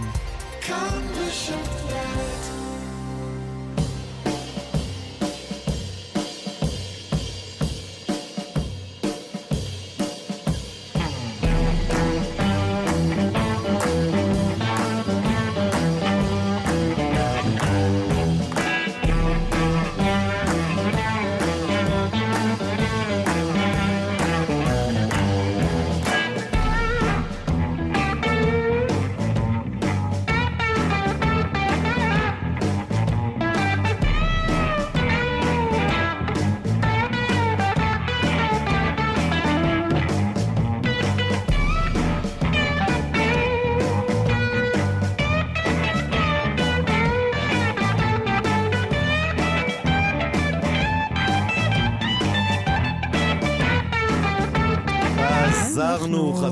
מה זה חזרנו? מה זה חזרנו? כמה תגובות יש על החזרנו של הצד שלך? כן, טוב כן. שהוא חזר, התגעגענו, עשיתם ש... לנו תרגיל. האמת, ש, האמת שקשה, לא כל כך, אה, לא רוצה להיכנס לעניינים, לא כל כך קל, אבל, אבל האהבה הזאת היא מקסי, כאילו, גם לאורך כל התקופה הזאת. האנשים שכאילו גם ברחוב, אתה יודע, הם מאזינים באמת, כאילו, לא כן, סתם זה עם כל כן, כן, התגעגענו אליך, אשכרה התגעגענו אליך, יובלי. אני לא מאמין, אפילו התגעגעתי לריב איתך, למרות שהנה, לא, תוך לא ארבע שניות עצבנת אותי. אתה לא חייב לריב על כל דבר. אתה יכול גם להסכים. את יכולה גם להגיד פעם משהו נכון. כן, שאיתמר תהפוך לעיר. כן, אני חושב שצריך רכבת נכון, לכרמי נכון. צור. כן, ככה להגיד. נכון, בדיוק. תגיד נכון, לא, אתה לא יכול יכולה להגיד, כן, אני חושבת שחשוב שלעניים יהיה לחם, גם אם זה לא קשור לשטחים. לא, אני נגד, אני נגד. אוקיי. טוב, בואי נמשיך. שלום ובוקר טוב גם לאילן אזולאי ולאורנה ברוכמן ולעמית כהן ולהדס סיוון ולכל מי שעזר לנו אה, להכין את התוכנית. אה, הם הפנו את תשומת ליבי על זה שאמרתי שיש אה, סיקור פרובינציאלי מטופש של הביקור של ביידן, עם החביתה ההפוכה או לא חביתה הפוכה, והנה הפנו אותי למאמר שמתפרסם הבוקר במקור ראשון של דוקטור מרדכי קדר, שהוא מזרחן, שמבין עניין, וגם מדבר על הברברת האינסופית, הטיפשית והדביקה, על הדברים השוליים, הלא חשובים והלא משמעותיים, שהם היו מעורבים ב... ב, ב, ב, בעניין הזה, ודווקא לא. לא כל כך דיברו על, אה, על, על המהות ועל ה... על העובדה שה... בוקר טוב, חברנו מימין, אה, שאתם מגלים שהשיח הוא רדוד. אה, ככה, כן. הוא מוכן להפקיר חלקים ממולדתו, אה, על עם ישראל, כן? אה, מוכן לבטל את הכרזת ריבונותו על בקעת הירדן, מוכן להקפיא את הבנייה במולדתו יהודה ושומרון, מוכן לערער את ריבונותו בעיר בירתו, רק תן לו חיוך וכל דרישותיו יסתלקו. הוא מדבר על זה שאנחנו רק שמחים על החיוך הזה לא והחיבוק הזה. לא הבנתי, אתם מתכוונים לזה שהוא ניגש, לנו... שהוא ניגש לנתניהו וכל הימין צהל, הנה, יש לנו מנהיג גדול. והוא אמר לו, I love you? לא, על זה שכל אז... פעם שיש ביקור של אח"ם, אנחנו תמיד אה, אומרים מה צריך לעשות כדי שיהיה מחוות, והעניין הזה של להתרגש מזה שהוא לחץ את ידו, או חיבק אותנו בחום, או זה התרגשות קצת אה, פרובינציאלי, רק בשביל לקבל חיבוק, אה, כמה אנחנו משלמים אגב, בישראל אני, עבור אני, הבעת החיבה הזאת. אגב, אני יכול להסכים שזה רדוד כמו כל השיח בכל תחום. אבל לא נעים לי להגיד, דווקא נשיא ארה"ב זה ממש לא פרובינציאלי. לא, הסיקור היה פרוביnciאלי. הסיקור בארצות, בוא'נה, בארצות הברית, בתקופות שהייתי שם, הם מסקרים את זה כשהוא הולך, לא יודע מה, רואים אותו, אובמה היה נכנס למקדונלדס שם, הטלוויזיות היו משדרות. נו באמת, זה, זה האיש החזק בעולם, תאהב, לא תאהב. טוב. ועם כל הכבוד לחמוצי הפנים ומנפנפי ה... לא יודע מה, האלה שבאף, איך אומרים את זה? מירב, אה, שכאילו... שאתה מזיז את האף. אבל זהו, לא מעקמי האף, יש ביטוי יותר טוב. כאילו, שאתה כאילו עם האף עושה... מקמטי האף? לא, אמילי, נו. רגע. לא, כאילו שאתה עושה ככה עם אף כאילו שלא נעים לך. לא, זה לא חשוב. נו, אה, איפה רותי אלמגור? אני רוצה לספר לך על אה, החתול שאני רוצה להביא הביתה. אני רוצה חתול. מטעמים מאוד אינטרסנטיים, כן? אני פשוט, יש מכת... תגידי, את בלחץ שחזרתי בחיי, אמילי. מה? למה? אני איתך, כי את כאילו... מהחתול, כן, לא. שיבוא חתול, יעזור. לא, אבל את גם מהנחש צפה השמאל שנכנס לך לזה. אני יודעת שאתה פשוט זללן זמן, אז אני מנסה לדבר מהר כדי להספיק כמה שיותר, כי יש לי פה נושאים רבים. אגב, היו מולך אנשים לא פחות טובים לא ממני. פשוט, לא פחות זללן זמן. אגב, נרי לבנה נתנה לך יופי של פת שבוע שעבר במקרה, שמעתי מההתחלה ועד הסוף. כולם, כולם היו טובים, כן, כולם כן, היו בניי. אבל נרי, אני מת עליה. ואני מודה לכולם שעזרו פה להחזיק את העניין. אמ, אני החלטתי... אני עוד יותר מודה, כי אני ממש... לא מאהבת החתולים. הרגשתי חוסר ביטחון מוחלט שהשארתי את זה רק בידייך. אז הסיפור הוא כזה, אני מחפשת חתול, חברים. אה, כי יש בירושלים חופרים את הרכבת הקלה, מה שמנענע את האדמה, מה שהביא מכת צפעים לירושלים, ויש יש הרבה נחשים את בכלל. לא אמורה להגיד את זה. אני לא אמילי, לא, את אני אמורה להגיד אחרת. חתול, כי אני רוצה אני חתול. אוהבת חיות, כי אני אוהבת בני אדם, לכן אני לא רוצה לתת להם לחם, ואני, הלב שלי שותה דם, ולכן אני רוצה להציל חתולים. כן. ובמקרה זה גם עוזר לי בגלל החפירות ליד הבית של הרכבת. טוב, תמשיכי. בסדר, הלכתי לחפש חתולים, הצטרפתי לקבוצה בפייסבוק שנקראת גורים למסירה, ראיתי גורים, התקשרתי, טלפון אחרי טלפון, גיליתי שאני עומדת בראיון עבודה. אני, כן, אני כזה אומרת לבן אדם, אה, אני מבינה שאתה מכפר סבא ואני מירושלים, צריך לראות איך מעבירים את החתול. כאילו, אתה יודע, ניגש לעניין, הוא אומר לי, רגע, רגע. ואז הוא-. כן, אני אומרת לו, אין לי כלום. ואז הוא אומר לי, רגע, רגע, רגע, רגע. איפה החתול הולך לישון? כמה ילדים יש לך? איפה את מתכוונת לאחסן אותו? יש לך רשתות על החלונות, כי אסור שהוא יהיה בחוץ. אה, וככה, אה, מדובר בגורים שנאספו מהאשפה, כן, אנשים צדיקים, באמת צדיקים, אני לא מזלזלת, שאספו גורים מהאשפה, והעמידו אותי במבחנים לגבי קבלת ה... האם את מתכוונת, מתכוונת לעקר או לסרס? הלוואי שהייתי שם. האם את אה, אה, אה, הולכת להאכיל באוכל יבש? לא ידעתי שיש בכלל הבדל כזה, אוכל יבש או אוכל רטוב. אני עד, עד, עד עכשיו לא ממש מבינה מה זה אומר. מה הייתי בטח- אמורה לענות בראיון המלחיץ אה, הזה? או- אוכל יבש, אני חושב שזה אוכל שקונים טלפון בחנויות אחרי לזה, טלפון, לא? מצאתי את עצמי מתראיינת לזכות לאמץ חתול. שהיה מקבל אצלי אחלה גבינות ו- שלא נאכלות. ונכשלת? שלא נאכ... אל תגידי לא, שלא נאכלות. לא, כשעובר התאריך ואני זורקת, נחמץ לי הלב, הייתי שמחה שיהיה חתול שיאכל את הזבל הזה, אבל אין חתול, רגע, כי אני רגע, לא רגע, מתקבלת. רגע, רגע, רגע, שנייה.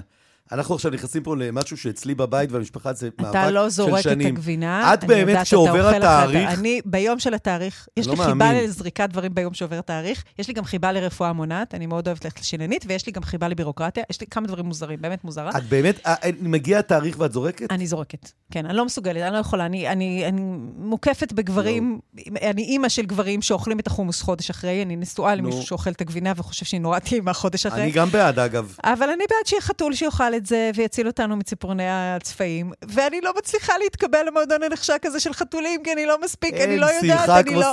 לת- אני לא אמרתי את אמרת לי? התשובות הנכונות. יש לנו, יש לנו חברה, תמי, שהיא המומחית כן. הכי גדולה לחתולים, הייתה מכינה אותך לראיון. אגב, לא בטוח שהיא, עם העמדות שלה, הייתה מוכנה להכין אותך, אבל היא הייתה אומרת לך, האמת ש... אתה יודע מה יחכה לי שאני אגיע הביתה עכשיו? יהיה גדודים של אנשים עם ארגזים של חתולים. אבל רק שאלה, סתם למה את כן. יכולה לקחת פשוט חתול מהרחוב? ברצינות אני שואל, כי אצלנו יש כל הזמן חתולים. אני רוצה גור כדי לגדל אותו אצלי, כדי שיתרגל, ואתה יודע, שיהיה באמת בן בית. אז, אז גור יותר קל להרגיל אותו לחיים גם בתוך הבית וגם בחצר. ואין גורים ברחוב, סליחה? אה, כאילו, גם יש אני אשלח חתולים אותך לא לחפש מוכרים. בפחי האשפה ברחוב הנורית, ואתה תחפש ותמצא תמצא לי גורים, בסדר? תיכנס אתה. זה לא, עדיין לא מוטמן. אני גם חושב. אני אני גם חושב ש... אה, אה, בעניין אה, הבחירות המתקרבות, אני אגיד משהו. אה, תמיד, כל השנים, אנחנו, הציונות הדתית, אה, היו, היו שתי אופציות, תמיד רצו בשני ראשים. היה הרב בני אלון והיה אורי אורבך. היה האיחוד הלאומי והיה המפד"ל. תמיד יכולת לבחור אם אתה רוצה את האופציה הרכה יותר מבחינת דת רגע, ומדינה. אני חייב לענות לך לפני שאת מגיעה לזה. כן, אה, מאוד כדאי שתדעי, אומרים פה יודעי עניין, נו, חתולים לא צדים, נחשי צפה. באמת? כן, אמילי. אז אני כבר לא רוצה חתול. אז זהו. מה אתה אומר? אז מה הם כן עושים? וואי, איך זה היה משמח? אותי שהיית מגדלת שורה של גורים, ואז היה מגיע נחש והם היו בורחים ומשאירים אותך לבד. אה, טוב, אה, אה, בכל אופן, זה גם אגב לא היה בתנאי עבדות. אם הייתי, אם הייתי מגדלת אצלי חתול. לצורכי לכידת צפעים, הוא היה מלך. אגב, עכשיו כן. אני רוצה להגיד באמת, שאת את מארחת כמו כיד המלך, נכון, כיד המלכה. קפצת עליי באיזה יום, אמרת לי, אני באה, ישר טיק טק טק, הרמתי צהריים. ואז גם נכנסו 800 חברים. אצלכם הדתיים. אני לא מבין את זה. כן. כאילו, והם והם בלי להתבייש אוכלים שניצלים. כאילו, הייתי בשוק.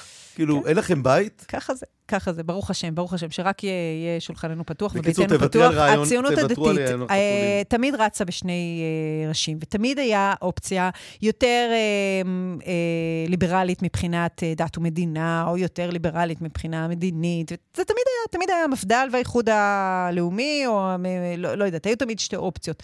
ופתאום אה, זה נעלם. ואני רוצה לדבר רגע על הקבוצה הזאת, שהיא, אני חושבת, היא אני. עכשיו תגידי, זה רובו שהם של העם, לא? חסרי בית. לא, לא כמה מנדטים זה, אבל היא, היא תמיד הייתה מפלגה חמישה- קטנה כזאת. חמישה כן, מנדטים כן, שלושה, כאלה. חמישה. תמיד, היה, תמיד הייתה מפלגה קטנה, שהייתה יותר אה, רכה. אה, בתוך ערכי הציונות הדתית, עם ישראל, ארץ ישראל, תורת ישראל, אבל אה, כן, אה, שירת נשים, או, או שירות ביחידות מעורבות, או כל מיני כאלה דיונים, היה יותר רך. ו, ואני לא מוצאת היום את הבית הזה. יש את אה, המפלגה של סמוטריץ', שיש בה אנשים ראויים, חברים שלי, ואני מאוד מעריכה אותם, אבל הם לא מתאים, לא, לא, זה לא ה-DNA שלי, שלי ושל כמותי. ואנחנו מחכים. אגב, חבל מאוד שכנראה קורסת האופציה למפלגת, מה שקראו לה מפלגת ישראל היפה, של uh, יועז הנדל ומתן כהנא, שכל נשות ישראל חיכו שתהיה מפלגה כזאת. אני לא, לא אסביר לך מה קורה בקבוצות הנשים כשהן מתחלקות לטים יועז וטים מתן, אנחנו מחפיצות. בעקבות כל ה... דווקא לא, דווקא לא החברות הדתיות שלי, דווקא לא החברות הדתיות שלי, החברות הנשים שלי, שהן מחפיצות ללא, בושה את אה, מתן ויועז, אבל הם לא, לא הולכים ביחד כנראה. לא נעים להגיד שאני מרגיש שאתן מדברות הרבה עליי גם בהקשר הזה. מפלגת ישראל, ישראל היפה כמובן כוללת אותך. אמילי, את רומזת שאני פחות יפה מיועז מה אתה חושב על יובל דיין והיעדר הלחיצה שלה? אני חושב שזה כן. לא ענייננו.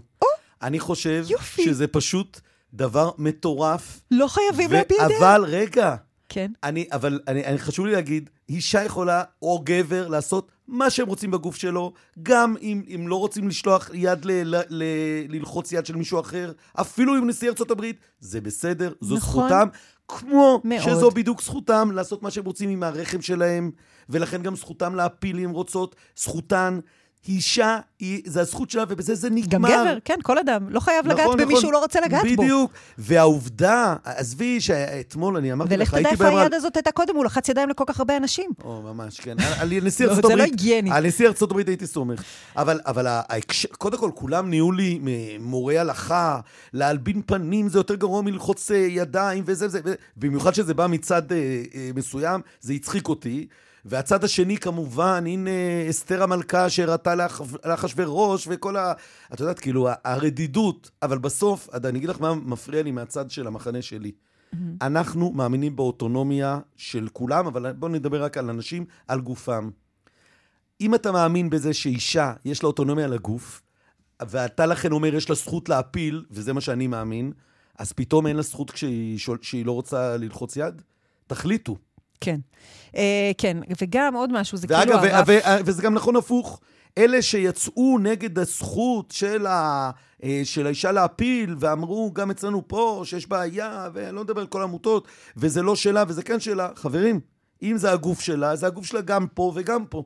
ולכן הסיפור הוא מאוד uh, פשוט בעיניי, וזהו. כן, ועוד משהו זה העיסוק הזה ברף ההלכתי, אם אפשר לרדת מהרף ההלכתי לעומת ערך אחר, שזה הלבנת פנים, או אי אפשר לרדת מהרף ההלכתי, אבל uh, החוק הוא מפלטו האחרון של הנבל, כן? זה לא רק שאלה של חוק והלכה. גם אם זה מותר לגמרי לפי ההלכה, כמו שאמרת, סבבה, היא לא רוצה ללחוץ את היד, לא צריכה הסברים מאף אחד. כותב לי פה חבר טוב, אה, חבר טוב, שיש גם דברים פשוטים, בחייאת. מושיטים לך יד, אל תייבש וזהו, מה הפילוסופיה עכשיו? עכשיו, לא, אני, לא, רק לא, שנייה, לא. שנייה, שנייה, אני רוצה להגיד... היא אני... הודיעה מראש שהיא לא, לא רוצה ללחוץ את היד, היא הודיעה למפיקים. עזבי, אני לא נכנס בכלל לסיפור הזה, היא פתאום נהייתה לי איזה, כאילו, אתה יודע, מורה הלכה שצריך, לא יודע. יכול להיות, אני לא הייתי עושה, את לא היית עושה, יכול להיות שזה חוסר נימוס, לא יודע, בסדר גמור, זה הגוף שלה, מותר לה להיות, לעשות מה שהיא רוצה. אני פעם גרמתי רעידת אדמה בעצמי, כי לחצתי יד ל... התארחתי בתוכנית, את זוכרת שהייתה ליאיר לפיד תוכנית מאוד אה, פופולרית בטלוויזיה, תוכנית אירוח? אז כשמוניתי להיות דוברת מועצת יש"ע בשנת 2005, בינואר 2005, התארחתי אצל יאיר לפיד. נכנסתי לאולפן בצעדים, כן, המצלמה מצלמת אותך כשאתה הולך, וידו של לפיד הייתה מושטת, ואני אז שמרתי לו... אגב, בעקבות ההיכרות איתך הוא החליט ללכת לפוליטיקה? לא, בעקבות ההיכרות, חכה, תראה מה קרה, אני מספרת לך את ההמשך. הייתה רעידת אדמה באמת.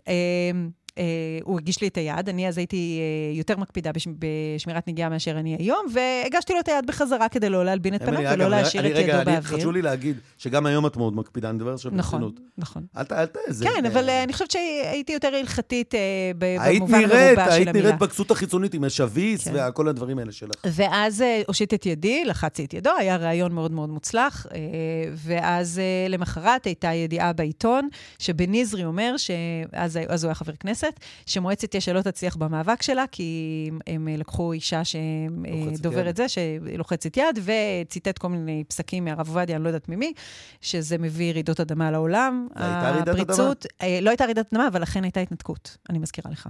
זאת אומרת, אכן לא הצלחנו. בגלל זה יש לך משהו נגדנו. ולך תדע מה עבר בראשה של יובל דיין. לך תדע. אז אנחנו לא מסתבכים. בקיצור, חברים, קודם, כל, אני, קודם כל, אפרופו זה, קשקוש. אני בעד גם לא להביע דעה על כל דבר. למרות שהתוכנית הזאת מבוססת על הבעת דעה על כל דבר. בדיוק, יופי, אמילי. לא, כאילו... אולי, את גם בעד נגד זה שאנשים יהגגו. המאוד מרענן ומאוד מקורי, שבו כולם אמרו את אותו דבר ממה שמצופה מהמחנה שלהם, די. אבל גם, אני חייב להגיד, אני לא איש שהולך לפי ההלכה, עם כל הכבוד, לא מעניין אותי השיח ההלכתי, לא מעניין אותי אם להלבין פנים זה לא זה, היהדות שלי זה לא היהדות שלי. אני לא שם בכלל... אני חי את חיי לפי ספר הפעלה שאני כותב על סמך המילון היהודי שרכשתי. אבל אני כותב את הספר הפעלה ואני לא חי לפי ההלכה. אז, אבל רוב האנשים שדיברו אתמול, גם הם לא חיים לפי ההלכה. אז מה זה בכלל מעניין אותנו, הסיפור הזה? ושוב, הפוזיציה, זה בדיוק אותה פוזיציה של אנשים שאמרו, ביידן הוא כבר כלום, והוא אפס, ואז פתאום כשהוא אמר לנתניהו טוב, והם בעד נתניהו, אז פתאום הוא אלוף העולם. ואלה שבעד אה, זה שהאישה תעשה מה שהיא רוצה בגופה, פתאום אסור לה אה, לא ללחוץ את היד. כן, אז מותר לה הכל, מותר ליובל דיין מה שהיא רוצה, והכל בסדר. אה, והיא לא גרמה, לא גרמה לשום מבוכה ולא לשום דבר. אה, האם אתה רוצה חתול? כי עכשיו אני מקבלת המון פניות על חתולים, יש לי יותר מדי. לא, אתה רוצה חתול? לא, לא, לא יש שתי הערות מעניינות, אחת שאומרת שכן, חתול ברחוב שלה אה, אה, תפס נחש צפה, והאחרת שכותבת לי, שנחש היא חיה מוגנת, נחש no. צפה, ואסור להרוג אותם, וזה עשרות אלפי שקלים קנס אם אתה הורג, אתה אמור להזמין לוכד מקצועי שישחרר את הנחש בטבע. כמה אנחנו שונאים נחשים, זה לא יאמן, זה נטבע בנו. נו, זה בגלל ה... אבל אני, מישהו פה כותב לי שהחתולים לא אוכלים את החולדות שיוצאות מחפירות הרכבת. או הוא שואל. או נכון, באמת יש בעיה גם של חולדות בירושלים. הרעדת האדמה בירושלים אגב, מביאה, גם, אני לא אתפלא אם יצאו לא, לנו לא רומאים שהיו כלואים באדמה ממרומי, אבל גם בתל אביב, גם בתל אביב, שם באזור בית מעריב, יצאו הרבה חולדות, אין מה לעשות. את יודעת שבנפאל כשהייתי, אין חתולים, אבל חולדות זה החיות בית. אבל בירושלים עוד מחפשים את כלי המקדש, לך תדע את מה נמצא. ביום ראשון אה, י"ז בתמוז. רגע, בוא נדבר, אה, בוא נדבר על... אה, בוא נדבר. רגע, מה כתבתי עוד? היה לי פה עוד משהו. אה, רצינו, את יודעת על מה לדבר? על הדיאטה. על הדיאטה. בן זוגך, שייקה האלוף, אין דבר מעליב יותר מזה. נכנס לנעליי כגבר שעושה לך... אה, אנחנו מאתגרים איש את אה, אהובתו, כן, ואהובה את אהובה. אה, העליב אותי באופן קיצוני, ורשם אותי במתנה לתוכנית דיאטה. זה נורא מעליב, אבל בסדר, אני שמחה ואני מודה לו, כי אני, כן, כן, כן, אני זאת שהתלוננתי כל הזמן. נכון. אה, והוא היה חכם, חכם דיו כדי להכחיש, בעודי עומדת מול המראה ותופסת משמניים, אומרת כמה השמנתי, הוא היה חכם דיו כדי להכחיש. אגב, לא שמנת בכלל. ובסוף הוא, בסוף הוא רשם אותי לתוכנית דיאטה. מה שמצחיק... מה שעוד יותר מעליב זה שזה לא רק שהוא רשם אותי לתוכנית דיאטה, הוא רשם אותי לתוכנית דיאטה של גברים. שנקראת אבא משהו, כן? כן, לא נעשה פה פרסומת. אה, ועכשיו אני חסרת שמחת חיים, כי אני לא אוכלת פחמימות. תקשיבי, אני הרי, את יודעת שאני, החלום שלי זה לעשות סדרת תוכניות על דיאטות. כן. אני אלוף העולם, אני רזיתי 800 קילו כבר עד עכשיו. כן, באמת. במצטבר. מצטבר. העלית, הורדת. 800 קילו, אין דיאטה שלא, הצלה, שלא עשיתי, אין דיאטה שלא הצלחתי בה. באמת, את יודעת, את ראית אותי. הייתי, ראיתי אותך, 16-8. איך זה עבד לי טוב בהתחלה. עבד לך טוב עד שנמאס לך. אחרי זה החלוקה בין הזה, בין ה... פחמימות לזה... כל מיני שטויות. אפילו הדיאטה... קטוגנית. אני, אני עוד התחלתי, תקשיבי, כשאתם עוד הייתם ילדים, אני התחלתי בדיאטה הראשונה שקיבלתי אותה בסוד ממישהי שהייתה אחות בבית חולים הדסה, הדיאטה של הכרוב. שזה סיר ש... של כן. כרוב שאת מבשלת, כן. שאת כל היום מותר לך לאכול כמה שאת רוצה וכמה שאת רוצה וכמה שאת רוצה, ובערב את אוכלת תפוח. זהו. ואת מרזה באמת תוך... עשרה ימים, זה היה זה... אל תנסו, זו דיאטה מאוד לא בריאה. לא, זה, עשו את זה כן. בשביל ניתוחי לב, אז כן. כאילו בשביל לרדת מהר. זה עזר לי מאוד. אמנם איבדתי באמת, אני חייב להגיד, לא כל כך רציתי להמשיך לחיות כבר אחרי איזה יום שביעי. ביום התשיעי, אה, מיכל, אה, אשתי לשעבר, תפסה אותי עומד על המרפסת וכאילו מנסה לטפס על המעקה.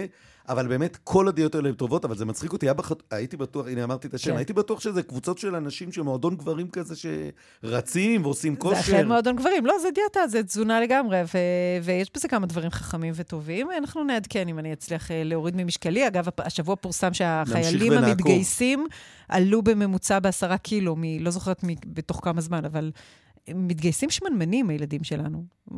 רגילים אחרי אה, שנות רביצה מול המסכים, עכשיו הם צריכים לקום מהספה וללכת לרוץ על הג'בלאות. את ראית אותי איך התגייסתי לצבא?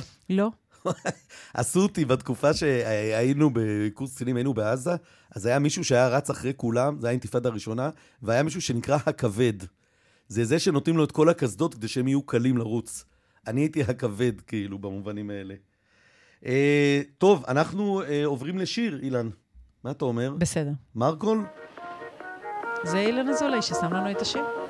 לא, אולי כדאי, אולי כדאי שאחינו יוסף יבין לאיפה הוא הגיע. רוטשילד נמאס מתל אביב, צפוף בהילטון נסעת עד לפריז. חזרת הביתה עם ריח של שנל, לבן יהודה לא להתבלבל. גברת היפסטר, נו איך בברלין? את משתלבת יפה עם גרמנים, את לא רוצה יותר לשמוע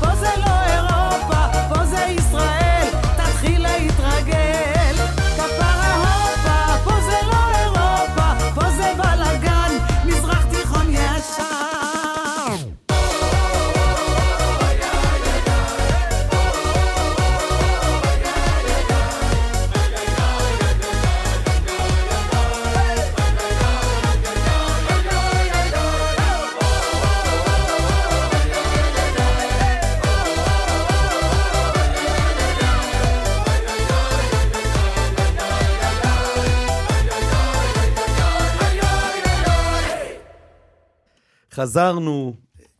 זה... למי שלא הבין, פה זו לא אירופה. פה זה לא אירופה. וזה, למרות שאגב... ומה הקשר לי"ז בתמוז, תשאלו? למה עכשיו אנחנו שמים שיר כזה? כי זה הזמן היחידי שאפשר, לפני שנכנסים לימי בין המצרים, לש... להשמיע שיר שמח ועולץ. כי אחר כך אנחנו ניכנס לאווירת... וואי, uh... הנה, חזרנו. לאווירת חורבן. וואי, הנה, אני ממש מרגיש, את יודעת, את מכירה את זה שאתה חוזר מחו"ל, אחרי נסיעה ארוכה, ואתה מת להיות בבית?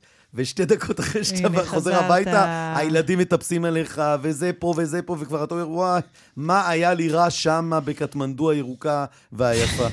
בוקר טוב, אה, פתחה חדד. בוקר טוב, זה פתחיה.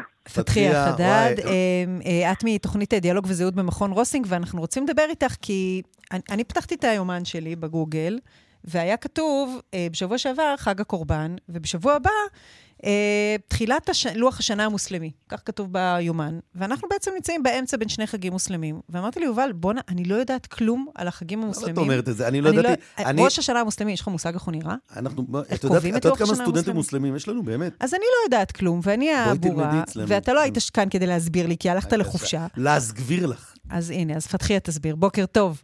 אהלן. בוקר טוב לכם. וואי, את בסדר? את צרודה, אני שומע. כן, אני צרודה קצת. קצת. חגגת יפה בחג הקורבן. מה, בואי ספרי לנו על בכלל על החגים באסלאם. אם את יכולה, אם לא, אנחנו נוותר, מסכנה. אני שומע שהגאון שלך, נכון? את מצליחה או לא? אני לא סובלת, אבל השאלה אם אתם שומעים אותי. אילן, אתה תצטרך להגיד לנו אם מבינים את הקול של פתחיה? אמ, כן. אולי אנחנו נקבע איתך בשבוע הבא, לא, וזה עדיין רלוונטי. יהיה רלוונטי תמיד, כאילו, זה בורות של כולנו. אבל אה, מה את אומרת, פתחיה, נוותר לך?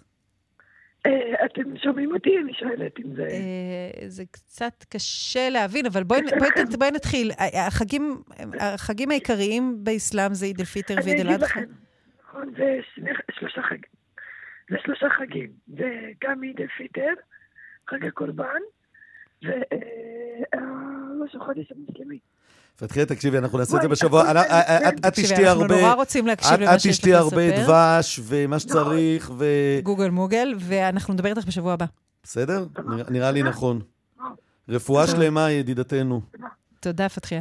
ואנחנו... אה, אנחנו... אני אתאפק עם הידע שחסר לי, ועכשיו אנחנו נגיד אה, שלום לפרופסור כרמית לוי. כרמית? כן. בוקר טוב לך. מבית הספר לרפואה באוניברסיטת תל אביב. אנחנו מבינים ש, שאם נמצאים בשמש אז נהיים יותר רעבים, וזה נכון בעיקר לגברים? לגברים. מה, לגברים, מה זאת אומרת? רק לגברים, רק, רק שנייה.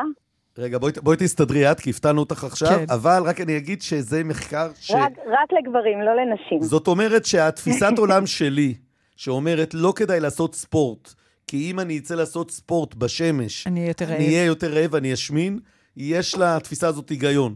מוטב לשבת על הספה, ואני אוכל אמנם, אבל אני פחות רעב. תסבירי. אני, לא, אני לא יודעת אם אני עומדת מאחורי כל מה שאמרת, אבל אני יכולה לספר מה עשינו במעבדה. כן. מה, מה, מה קורה בח, בחדרי חדרי החדרים של המעבדות. אמ, אז היה לנו מחקר על אה, חשיפה לשמש, ואני, המעבדה שלי חוקרת את האור, חוקרת מלנומה, סרטן עור, והיה איזשהו מחקר במעבדה שעשה מודל מתמטי של שיזוף, וכשפתחנו את העכברים פתאום ראינו המון שינויים ב... במה שקורה להם בפנים, גם במערכת החיסון וגם למערכת המטאבוליזם, לשומן, ואז אמרנו, הופה, לחשיפה עדינה עדינה של UV, יש השפעה גם סיסטמית עלינו, יש השפעה על הרבה מערכות אחרות. זהו, וזה היה ההתחלה של המחקר. טוב, זה לא צריך עכברים. כל מי שיוצא מהבריכה והלך עם ילדים מהבריכה ורואה איך הם יוצאים גוועים מוכנים לאכול את השולחן, מבין שהשמש באמת גורמת לנו להיות יותר רעבים. כשאנחנו בים, כשאנחנו בבריכה, כשאנחנו בהליכה בשמש, אנחנו באמת... אה, זה, זה נכון, יש הרבה... מה שמפתיע פה שאת מצאת הבדל בין גברים לנשים, למה? נכון, אז זהו, זה, אז, אז כשה, כשהחלטנו להיכנס למחקר הזה, והסטודנט שאל אותי איזה, מה להזמין, איזה עכברים, איך לערוך את הניסוי, אז אמרתי, יאללה, גם, גם, גם זכרים, גם נקבות. ובום, פתאום ראינו ממש הבדלים. ואז פניתי ליפתח גפנר. רגע, רגע, בואי נתעכב שנייה על השאלה של מה להזמין. אתם, את צריכה כמות מסוימת של עכברים, אז, אז את יכולה להזמין, אה, כאילו, מספר נקבות, מספר זכרים, צבע, גודל. כן, שפרופסור כן, כרמית לוי יוצאת לשדה מאחורי, אה, לא יודע מה, פארק הירקון ומביאה עכברים? זה מאלי אקספרס? כשאת עושה ניסוי, את צריכה להכין לך את כל המערכת. חלק מהמערכת זה להזמין עכברים. אז מזמינה עכברים מחברה מסוימת. כרמית, אני לא יודע אם שמעת, את לא יודעת אם שמעת ההתחלה, אבל אני אגיד לך מה עובר, בדיוק, ידעתי, מה עובר בראשה של אמילי. היא עכשיו עסוקה בלהזמין חתולים שיאכלו לה נחש צפה בחצר. ולכן אה, היא פתאום מתעניינת בנושא כן, איפה רכש, איזה כן. אתר, כי בוא נגיד ככה, שבאתר גורים למסירה שהיא ניסתה, היא לא הצליחה לעבור את ועדות הסינון, ואגב, בעיניי בצדק, לכן היא כל כך חוקרת העניין. הבנתי. ואת לא רוצה גם שיהיו עכברים שהנחש יאכל, נכון? לא, לא, עכברים זה לא טוב. אז עדיף שאני אקנה את העכברים. לכי, תקני, תקני. כן, כן. בדיוק. אז, אז, אז אמ, בחרת גם אה, עכברים זכרים וגם נקבות? אתה יודע, מד, אתם יודעים, מדע, הרבה פעמים זאת, אלה הפתעות. אה, אוקיי. זה, זה מה שהזמנו. אז זרקת לו כזה, אמרת לו, תביא לי 600 כאלה, 600 כאלה, לא להתווכח. כאילו, על הדרך, אוקיי. כן, חצי קילו זה. ואז התחלנו את הניסוי, ראינו הבדלים. ואז אמרתי, וואו, טוב, רק למה אנחנו לא שומעים אותך? בדיבור... רגע, לרגע לא שמענו אותך, שוב תחזרי על המשפט. בוא נבין רגע, בבני אדם, כן. מה, זה, מה זה אומר, והאם יש בכלל גם אפקט כזה בבני אדם. אוקיי. פניתי לדוקטור יפתח גפנר, חבר טוב, אפידמיולוג מהבניין, יש לו דאטה של 3,000 אנשים ישראלים, דאטה שנתי, מה הם אוכלים. ואז הוא הסתכל על כמות הקלוריות ואמר לי, בואנה, גברים צורכים יותר קלוריות בקיץ לעומת החורף. ואצל נשים הצריכת קלוריות היא, היא שווה לאורך כל השנה. אז זה אומר שגם גם בקטע רגע, הזה של... רגע, אבל אני רק רוצה להבין רגע, כי זה נשמע לי אפילו לא הגיוני, סליחה שאני אומר, בחורף אני משמין, אני משמין כל השנה, אבל אני יותר משמין בחורף דווקא, ואני לא לבד, אנחנו אוכלים יותר בשביל להתחמם, לא? ולהחזיק את הגוף, אנחנו לא... זה לא רק שיש לנו סוודרים ואנחנו מחביאים את הכרס. תראה, אצלי... לא בדקנו השמנה. אני לא בדקתי השמנה בגברים, לא, אני בדקתי את אומרת, כמות... את אומרת, את אומרת שהם אוכלים... צריכת קלוריות, אבל האם, האם זה מתנרמל... בסדר, אבל האם זה מתנרמל בגלל שהם זזים יותר, mm. אקטיביים אה, יותר? אוקיי, אוקיי, אה, אוקיי. האם זה מתנרמל כי, כי נדרשות פעולות אחרות בגוף פיזיולוגית? אני לא יודעת לענות לכם על זה. הבנתי. אני יודעת אוקיי. שאצל העכברים שנמצאים בתוך הכלובים, אצלנו כן ראינו עלייה במשקל, אבל זה לא משהו שראיתי בבני אדם. לא בדקנו ולא ראיתי. אבל בכל זאת, אבל אני, בכל אני זאת... יכולה ב... להגיד שהתא... אני, יודעת, אני יודעת להגיד על התיאבון, כי בדקנו כן. את הורמון התיאבון, כן. הוצאנו סטודנטים לשמש, אה, לקחתי להם דם לפני ואחרי, הורמון התיאבון עולה אצל, אצל הגברים, אצל הסטודנטים הבנים, ולא אצל הבנות. וואו. אמ, נתתי של, נתנו שאלונים יחד עם אה, מור פבלובסקי מאיכילוב, וחגית מצ מאסותא, נתנו שאלונים לאנשים שעושים פוטו. את משויפת ביח"צ, יפה, את נותנת לכולם את הקרדיט, אף אחד לא יבוא איתך חשבון. כן, חכה, לא, איזה 42 אנשים לקחו חלק. לא, כי באמת זה מאמר שדרש המון המון דיסציפלינות. אז באמת כל אחד נתן את החלק שלו. הם עזרו לי, הם רופאות עור, והם נתנו שאלונים לאנשים שעוברים פוטותרפיה. כן. ואז ב, אה, עשינו את האנליזה של השאלונים האלו, וראינו שבאמת אצל גברים יש עלייה ברצון לאכול, רגע, אני רוצה אבל ללכת רגע אבל למקור של זה. זה קורה בגלל שיש חלבון בעור שנועד להתמודד עם הנזקים הגנטיים שיוצר את השמש, ו... והוא גם גורם לתיאבון. אז זה אומר שלנשים אין את החלבון הזה, זה אומר שהן יותר חשופות לנזקי שמש? לא. אצל, אצל כולם יש את החלבון הזה, החלבון הזה מתעורר בעקבות נזקי שמש, החלבון הזה, התפקיד שלו הראשוני הוא לתקן את ה-DNA. Okay. אוקיי. ולאמוד את הנזק. אחר כך הוא מייצר את מה שמפעיל את מערכת הפיגמנטציה. כן. את השיזוף, שזה הגנה נוספת לאור לחשיפה הבאה. כן. והדבר הנוסף שאנחנו גילינו שהוא עושה, הוא גם משתתף בהעלאה של הביטוי של ההורמון של התיאבון. עכשיו, למה אצל גברים. נשים זה לא זהו, קורה? למה? למה אצל... את, כי יש לנו אסטרוגן, והאסטרוגן מתערב לו בפעילות הזאת הספציפית. מתערב לו בפעילות, ואז ההורמון הזה לא עולה. זה לא קורה בכל ה... בדיוק, למה האסטרוגן לא... למה כשאנחנו מתמודדות עם השמנה או עם דיאטות, האסטרוגן לא עוזר, האסטרוגן לא עוזר לנו, אלא מפריע לנו לרדת במשקל? אמ, כן, שאלה טובה, כי האסטרוגן מתערב בהרבה תהליכים. זה רק, אתה יודע, רק הקצה של הקצה, צריך לעשות עוד המון מחקר ולהבין את הכל עד הסוף. פרופסור לוי, אנחנו מגיעים אה, אה, לסוף של, ה, של השיחה איתך. אז המשמעות היא שאם נגיד אני מתמודד, אני נמוך למשקלי, בואו נגיד את זה ככה. אז, אז בעצם מה שאת אומרת לי, ואני כל היום נלחם, ואני עוד לא רוצה להגיע לא לזריקות ולא לניתוח ולא לזה, מוטב לי להיות יותר בצל מאשר בשמש בעצם. לא, אני שואל ברצינות דווקא. אני לא יודעת, כי תשמע, זה רק הקצה של הקרחון. כי אם זה מעלה תיאבון, אז אולי זה מעלה עוד דברים טובים, כמו אה, פעילות, כמו תנועה, אני לא יודעת, אני באמת לא יודעת איזה עוד השפעות פיזיולוגיות יש לחשיפה לשמש מבוקרת. שוב, אני לא... השיחה כאן היא לא לעודד חשיפה ברור, לשמש ברור, אה, ברור, בכלל, ברור, אני, ברור. אתה יודע, אני חננה של מעבדה. Mm-hmm. אז אה, צריך לשים לב, ויכול להיות שיש פה עוד דברים, שאם אתה לא תצא ותחשוב שאתה רק שולט בעניין הזה של תיאבון, אתה מפספס עניינים אחרים שנדלקים בקיץ או בעקבות חשיפה ל-UV. אז אה, כנראה... כי גם השמש היא חשובה כן. לנו בשביל אה, ויטמין D ודברים מהסוג הזה. נכון, נכון. פרופסור כרמית לוי, אנחנו שומעים שמעבר להיותך אה, אשת מעבדה וכתבת מאמר באמת פורץ דרך, יש לך גם עניינים נוספים בבית. כן. אז אנחנו נפנה אותך לשם. עוד, עוד ילדים שיש להם חילוף חומרים והורמון תיאבון סביבך. פרופסור כרמית לוי, המון המון תודה. באוניברסיטת תל אביב, תודה. את יודעת מה זה מזכיר לי, אמילי? קראתי, אחד מהדברים שבאמת עצבנו אותי ולא היה לי איפה לומר אותם, זה המחאה שיש בארצות הברית היום בהקשר של השמנה, שדיברנו על זה ש... לא זוכר איך קוראים לה, רנה זלווינגר, כן. משחקת באחת הסדרות, משחקת אישה שמנה, למרות שהיא לא שמנה. שמים עליה את החגורות שומן האלה. ואותו okay. אוקיי. דבר היה במקום תקועים, וקמה מחאה גדולה שזה לא בסדר, ואני אומר את זה כמי שסובל לא משמנפוביה. זהו, אז מה, למה? מה כי, זה, כי רק שמן יכול לשחק שמן, ולמה אתם מפלים את השחקנים השמנים? להם אין מה... התפיסה הייתה, לרנה יש המון מה לשחק, והיא שחקנית מאוד גדולה ומבוקשת, אז מה פתאום היא משחקת תפקידים של uh, נשים מלאות, שמנות? מעט טרחני, מעט טרחני.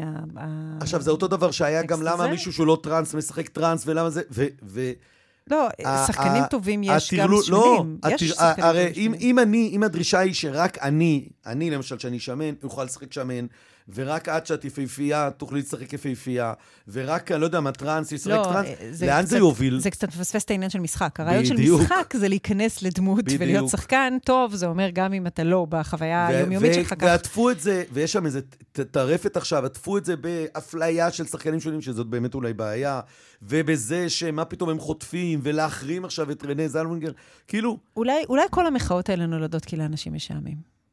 כי הם לא יוצאים בחמש בבוקר לעבוד, לחרוש בשדה כמו פעם. פשוט נהיה לנו משעמם, אז אנחנו מוחים. יאללה, בואי נשמע קצת נשמע על השמש. שיר.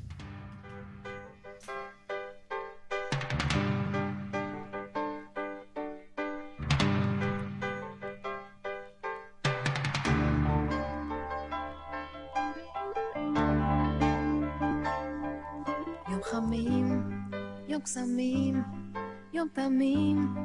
הלכנו עם השמש בערוב, יום זהוב, לילה טוב, היה לנו ליל אמש בוקר קם, מול הים, אי משם, נכנס היום בשער בחלון, עץ אלון ובילון, ניצלו באור השחר,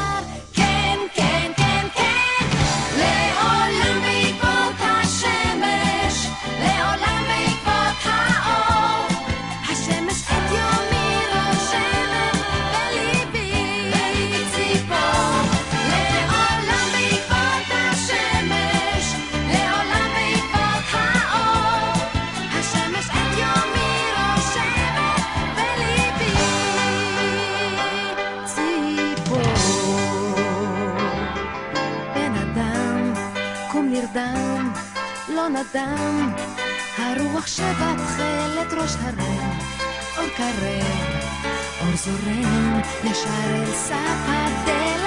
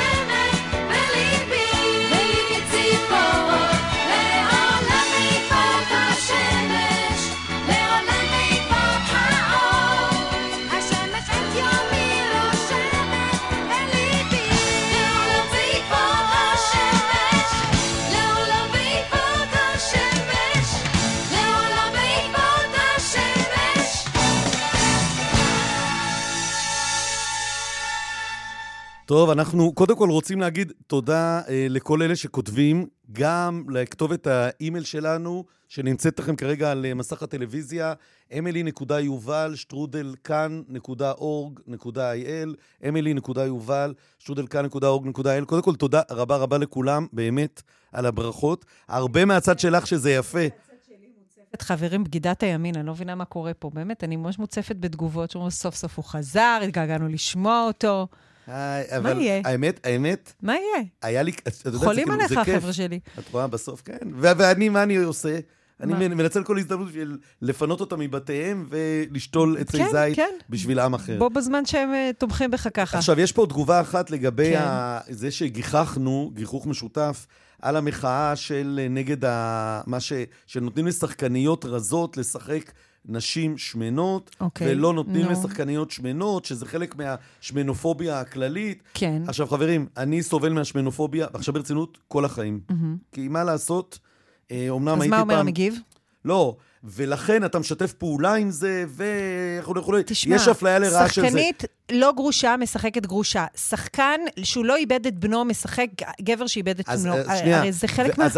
אני אומר, כמו ששמים תותב לאף כשאתה משחק דמות, שמים את החגורות האלה, וזה נכון ששחקניות ושחקנים מלאים, בעיניי צריכים לשחק את רומאו ויוליה בלי בעיה, ולשחק את האמת, ויש גם כאלה, ולא צריכים רק לשחק שמנות. אבל המלחמה היא באפליה שלהם במודל יופי, אם אפשר להכריז על ולא מלחמה הפוך. כלשהי בתחום של, של הנראות יופי. של השחקנים. זה זה שתום קרוז, שמשחק באהבה בשחקים החדש, עם שיער צבוע, הוא משחק גבר בן 60, הוא בן 60 בעצמו. זה לא נעים לנו, הגברים בני 60 לא נראים ככה, עם, עם רעמת שיער שחורה על הראש. זה לא, זה לא סליחה? גברי, לא. סליחה? מה, אה, נכון, סליחה. יש גברים, ש- יש, יש. זה שאת נשואה, למישהו שהוא זה, עם כל הכבוד, תראי את שפעת השיער שלי. אה, והנה, אנחנו, כמו שיובל אומר, ועכשיו, חורבה השכלה. תראה, את רואה אבל, את רואה? אין, אין, אין. חור בהשכלה. תודי שהתגעגעת לזה שאני תמיד מקדים את האות. מקדים את האות באופן לא אלגנטי. הפוך. שלום, פרופסור יובל כן. ניר. בוקר טוב. שני פרופסור יובל בחדר אחד, אנחנו לא נעמוד בזה. לא, אה, אבל הוא פרופסור... המוח שלנו... מאוניברסיטת תל אביב. רק שנייה, בוא. נציג אותו, כן. אה, המוח שלנו מגיב לצלילים, גם בזמן שאנחנו ישנים, שזה באמת קורה לי כל פעם שאני ישנה צהריים והילדים באים לדבר איתי תוך כדי. אה, ה- המחקר שלכם מגלה ש- שבכל המדדים אנחנו בעצם ממש שומעים כשאנחנו אה, ישנים, חוץ ממדד תשומת הלב.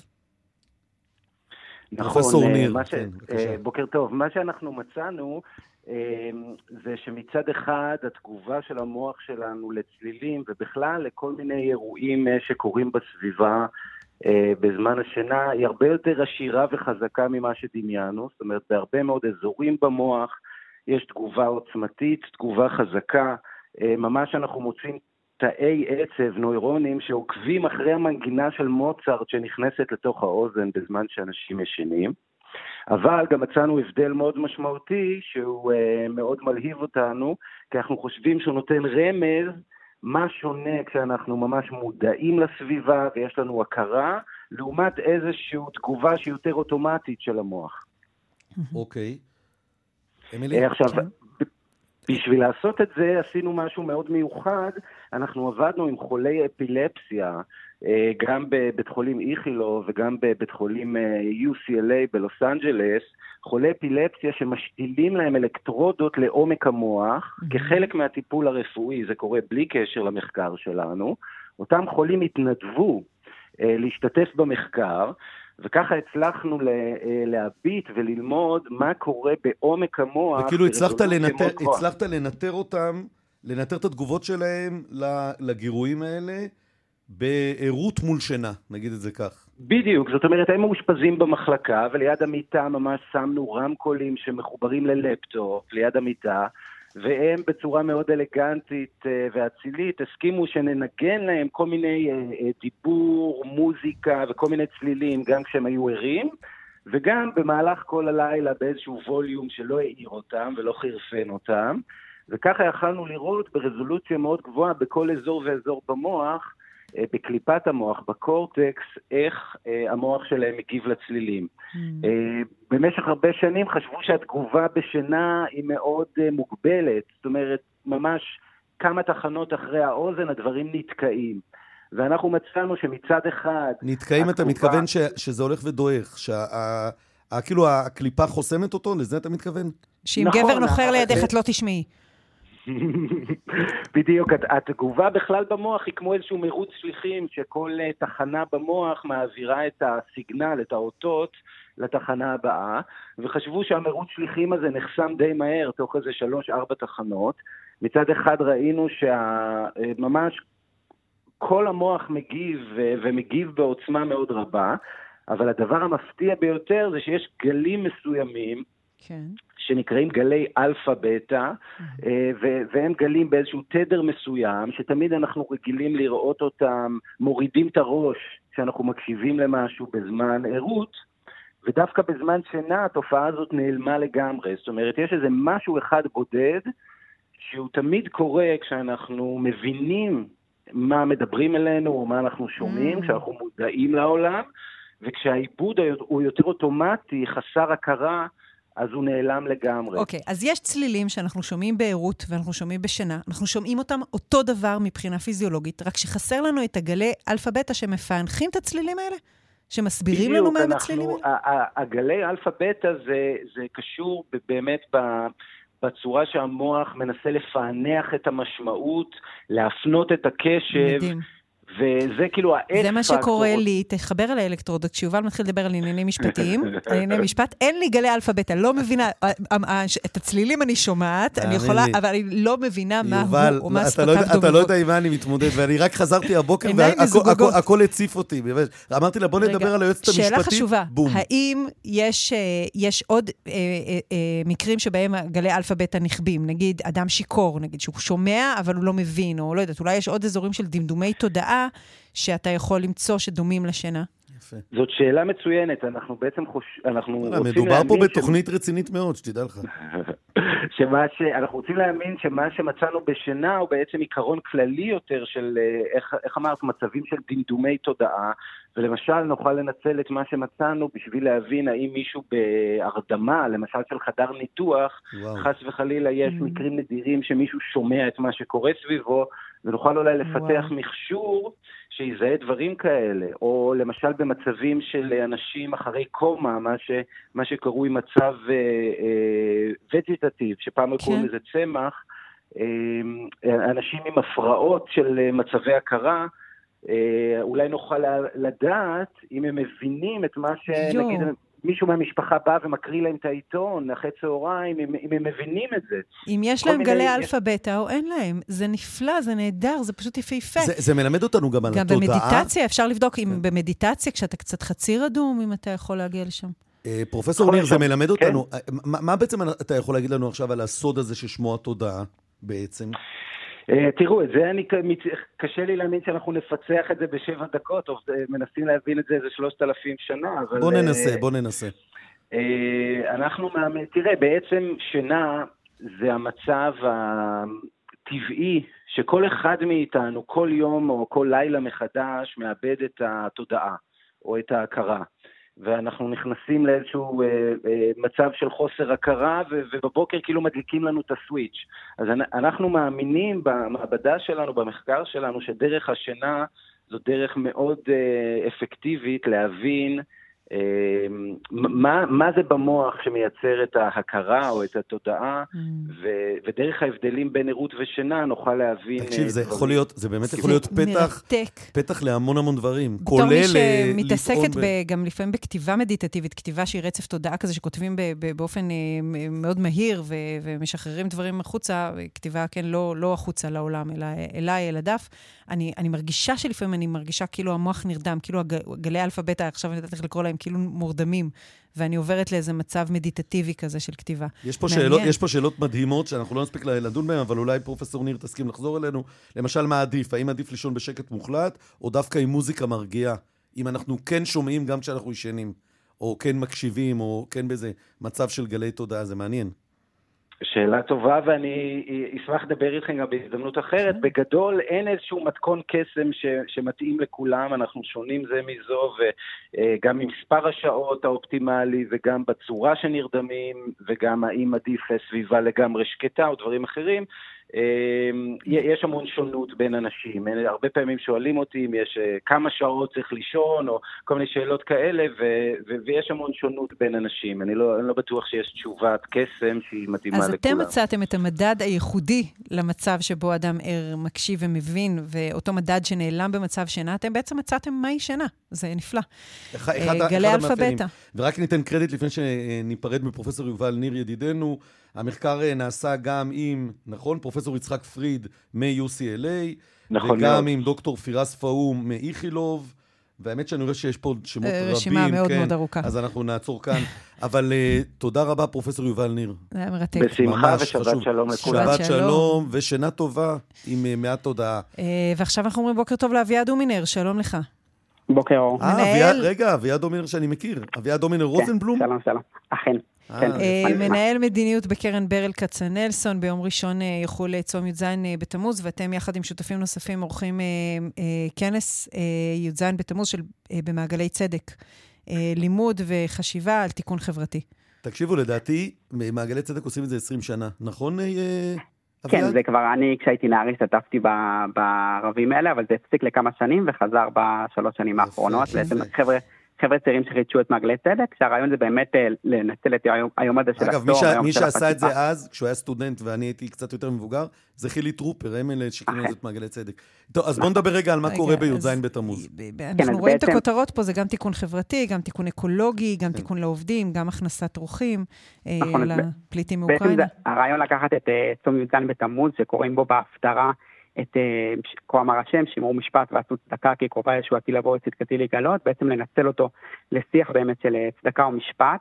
אז זה יהיה בשש בערב במתחם התחנה בירושלים, ביום ראשון הקרוב, זה ככה לקראת מוצאי י"ז בתמוז, ובאמת יש שם דיונים בנושאים ושיח אה, שיח ככה חברתי יהודי בנושאים שעל אה, סדר היום. אז לדוגמה, יש שם אה, מרים דוד, שהיא אישה חרדית שמובילה מאבק לדיור ציבור- ציבורי בירושלים, אריאל שוורץ, שהוא מהיוזמים גם של האירוע הזה, שהוא מוביל את הפורום לביטחון תזונתי, יש שם גם קטיה מלכוב לדוגמה, שהיא חוקרת יהדות ועולה חדשה מאוקראינה, שתדבר בכלל על היחס של החברה הישראלית לעולים החדשים, עוד שירה מזרחי, שמנהלת קואופרטיב ניקיון בירושלים, אז ככה נציגים של מאבקים חברתיים אה, אה, בירושלים ובכלל, וגם, וגם שיח נעשה, אה, רבני אביעד, זה ויהודי. נעשה, זה נעשה רק בירושלים, האירוע?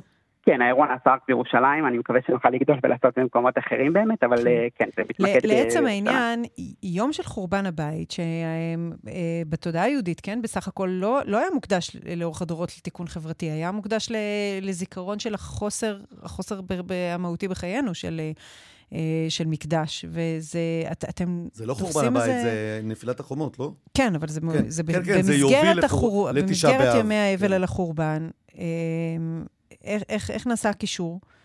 נכון, אבל כשאנחנו מדברים על החורבן, אז אנחנו מדברים פחות על, ה, על הבניין עצמו, למרות שזה כמובן שהוא גם משמעותי, אלא על הסיבות שהובילו לחורבן בעצם, מה, מה הוביל לדבר הזה ואיך זה קרה. וכשאנחנו מדברים על, אה, כמובן כולם מכירים את שנאת חינם, אבל אגב, יש משהו שפחות קצת מוכר בתלמוד הירושלמי, כתוב שלא רק שנאת חינם, אלא שהיו אוהבים את הממון ושונאים אלו לאלה שנאת חינם. זאת אומרת, שנאת החינם מקושרת בתלמוד הירושלמי לאהבת הממון. יש משהו בעניינים החברתיים והכלכליים שהוא גם משפיע כמובן על היחסים החברתיים בתוך, ה, בתוך החברה כולה, אה, ולכן דווקא היום הזה אין מתאים ממנו לעסוק Mm. בדברים האלה. ביום של החורבן לעסוק יפה. בעצם בתיקון החברתי. יפהפה. יפה, ואת, ואמילי יודעת מקסים. שאני, בזכות האירוע הזה שהייתי פעם, לפני 20 שנה שם, התחלתי לצום בתשעה באב. זה הצום היחידי שאני צם. יום כיפור אני לא צם הרי. וואלה, מרגש. את זוכרת? כן. אף יום אתה לא צם. לצערך. אה, זהו, אתם מוזמנים לראות עוד פרטים בדף פייסבוק של מגלי צדק, וכולם מוזמנים בשמחה. וזה כמובן חינמי. אביעד, תודה תודה רבה לך, רבה. י"ז בתמוז, תודה אירועים, לכם. היה אירועים דומין צדק. רוזנבלום מקרן ברל כצנלסון. תודה לכם, שבת שלום. שבת שלום. אה, אנחנו עוד מעט אה, נפרדים, אחרינו יהיה עומר בן רובי עם תרבות יום ו', ואנחנו נגיד תודה לאילן אזולאי ולאורנה ברוכמן, להדס סיוון ולעמית כהן.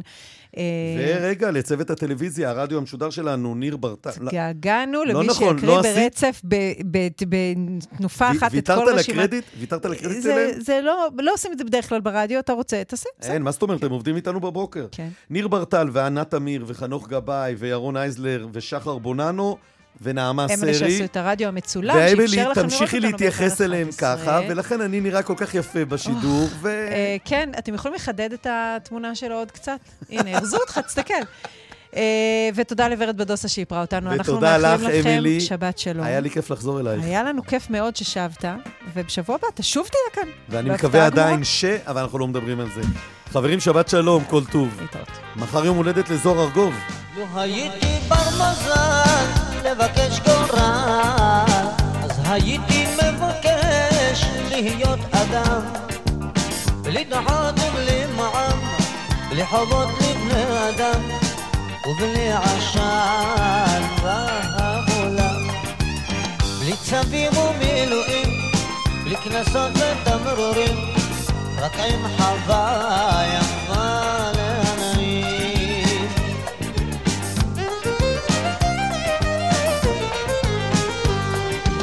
באתי לעולם, לא שאלו את פי, מה אבקש, מה חפץ ליבי. באתי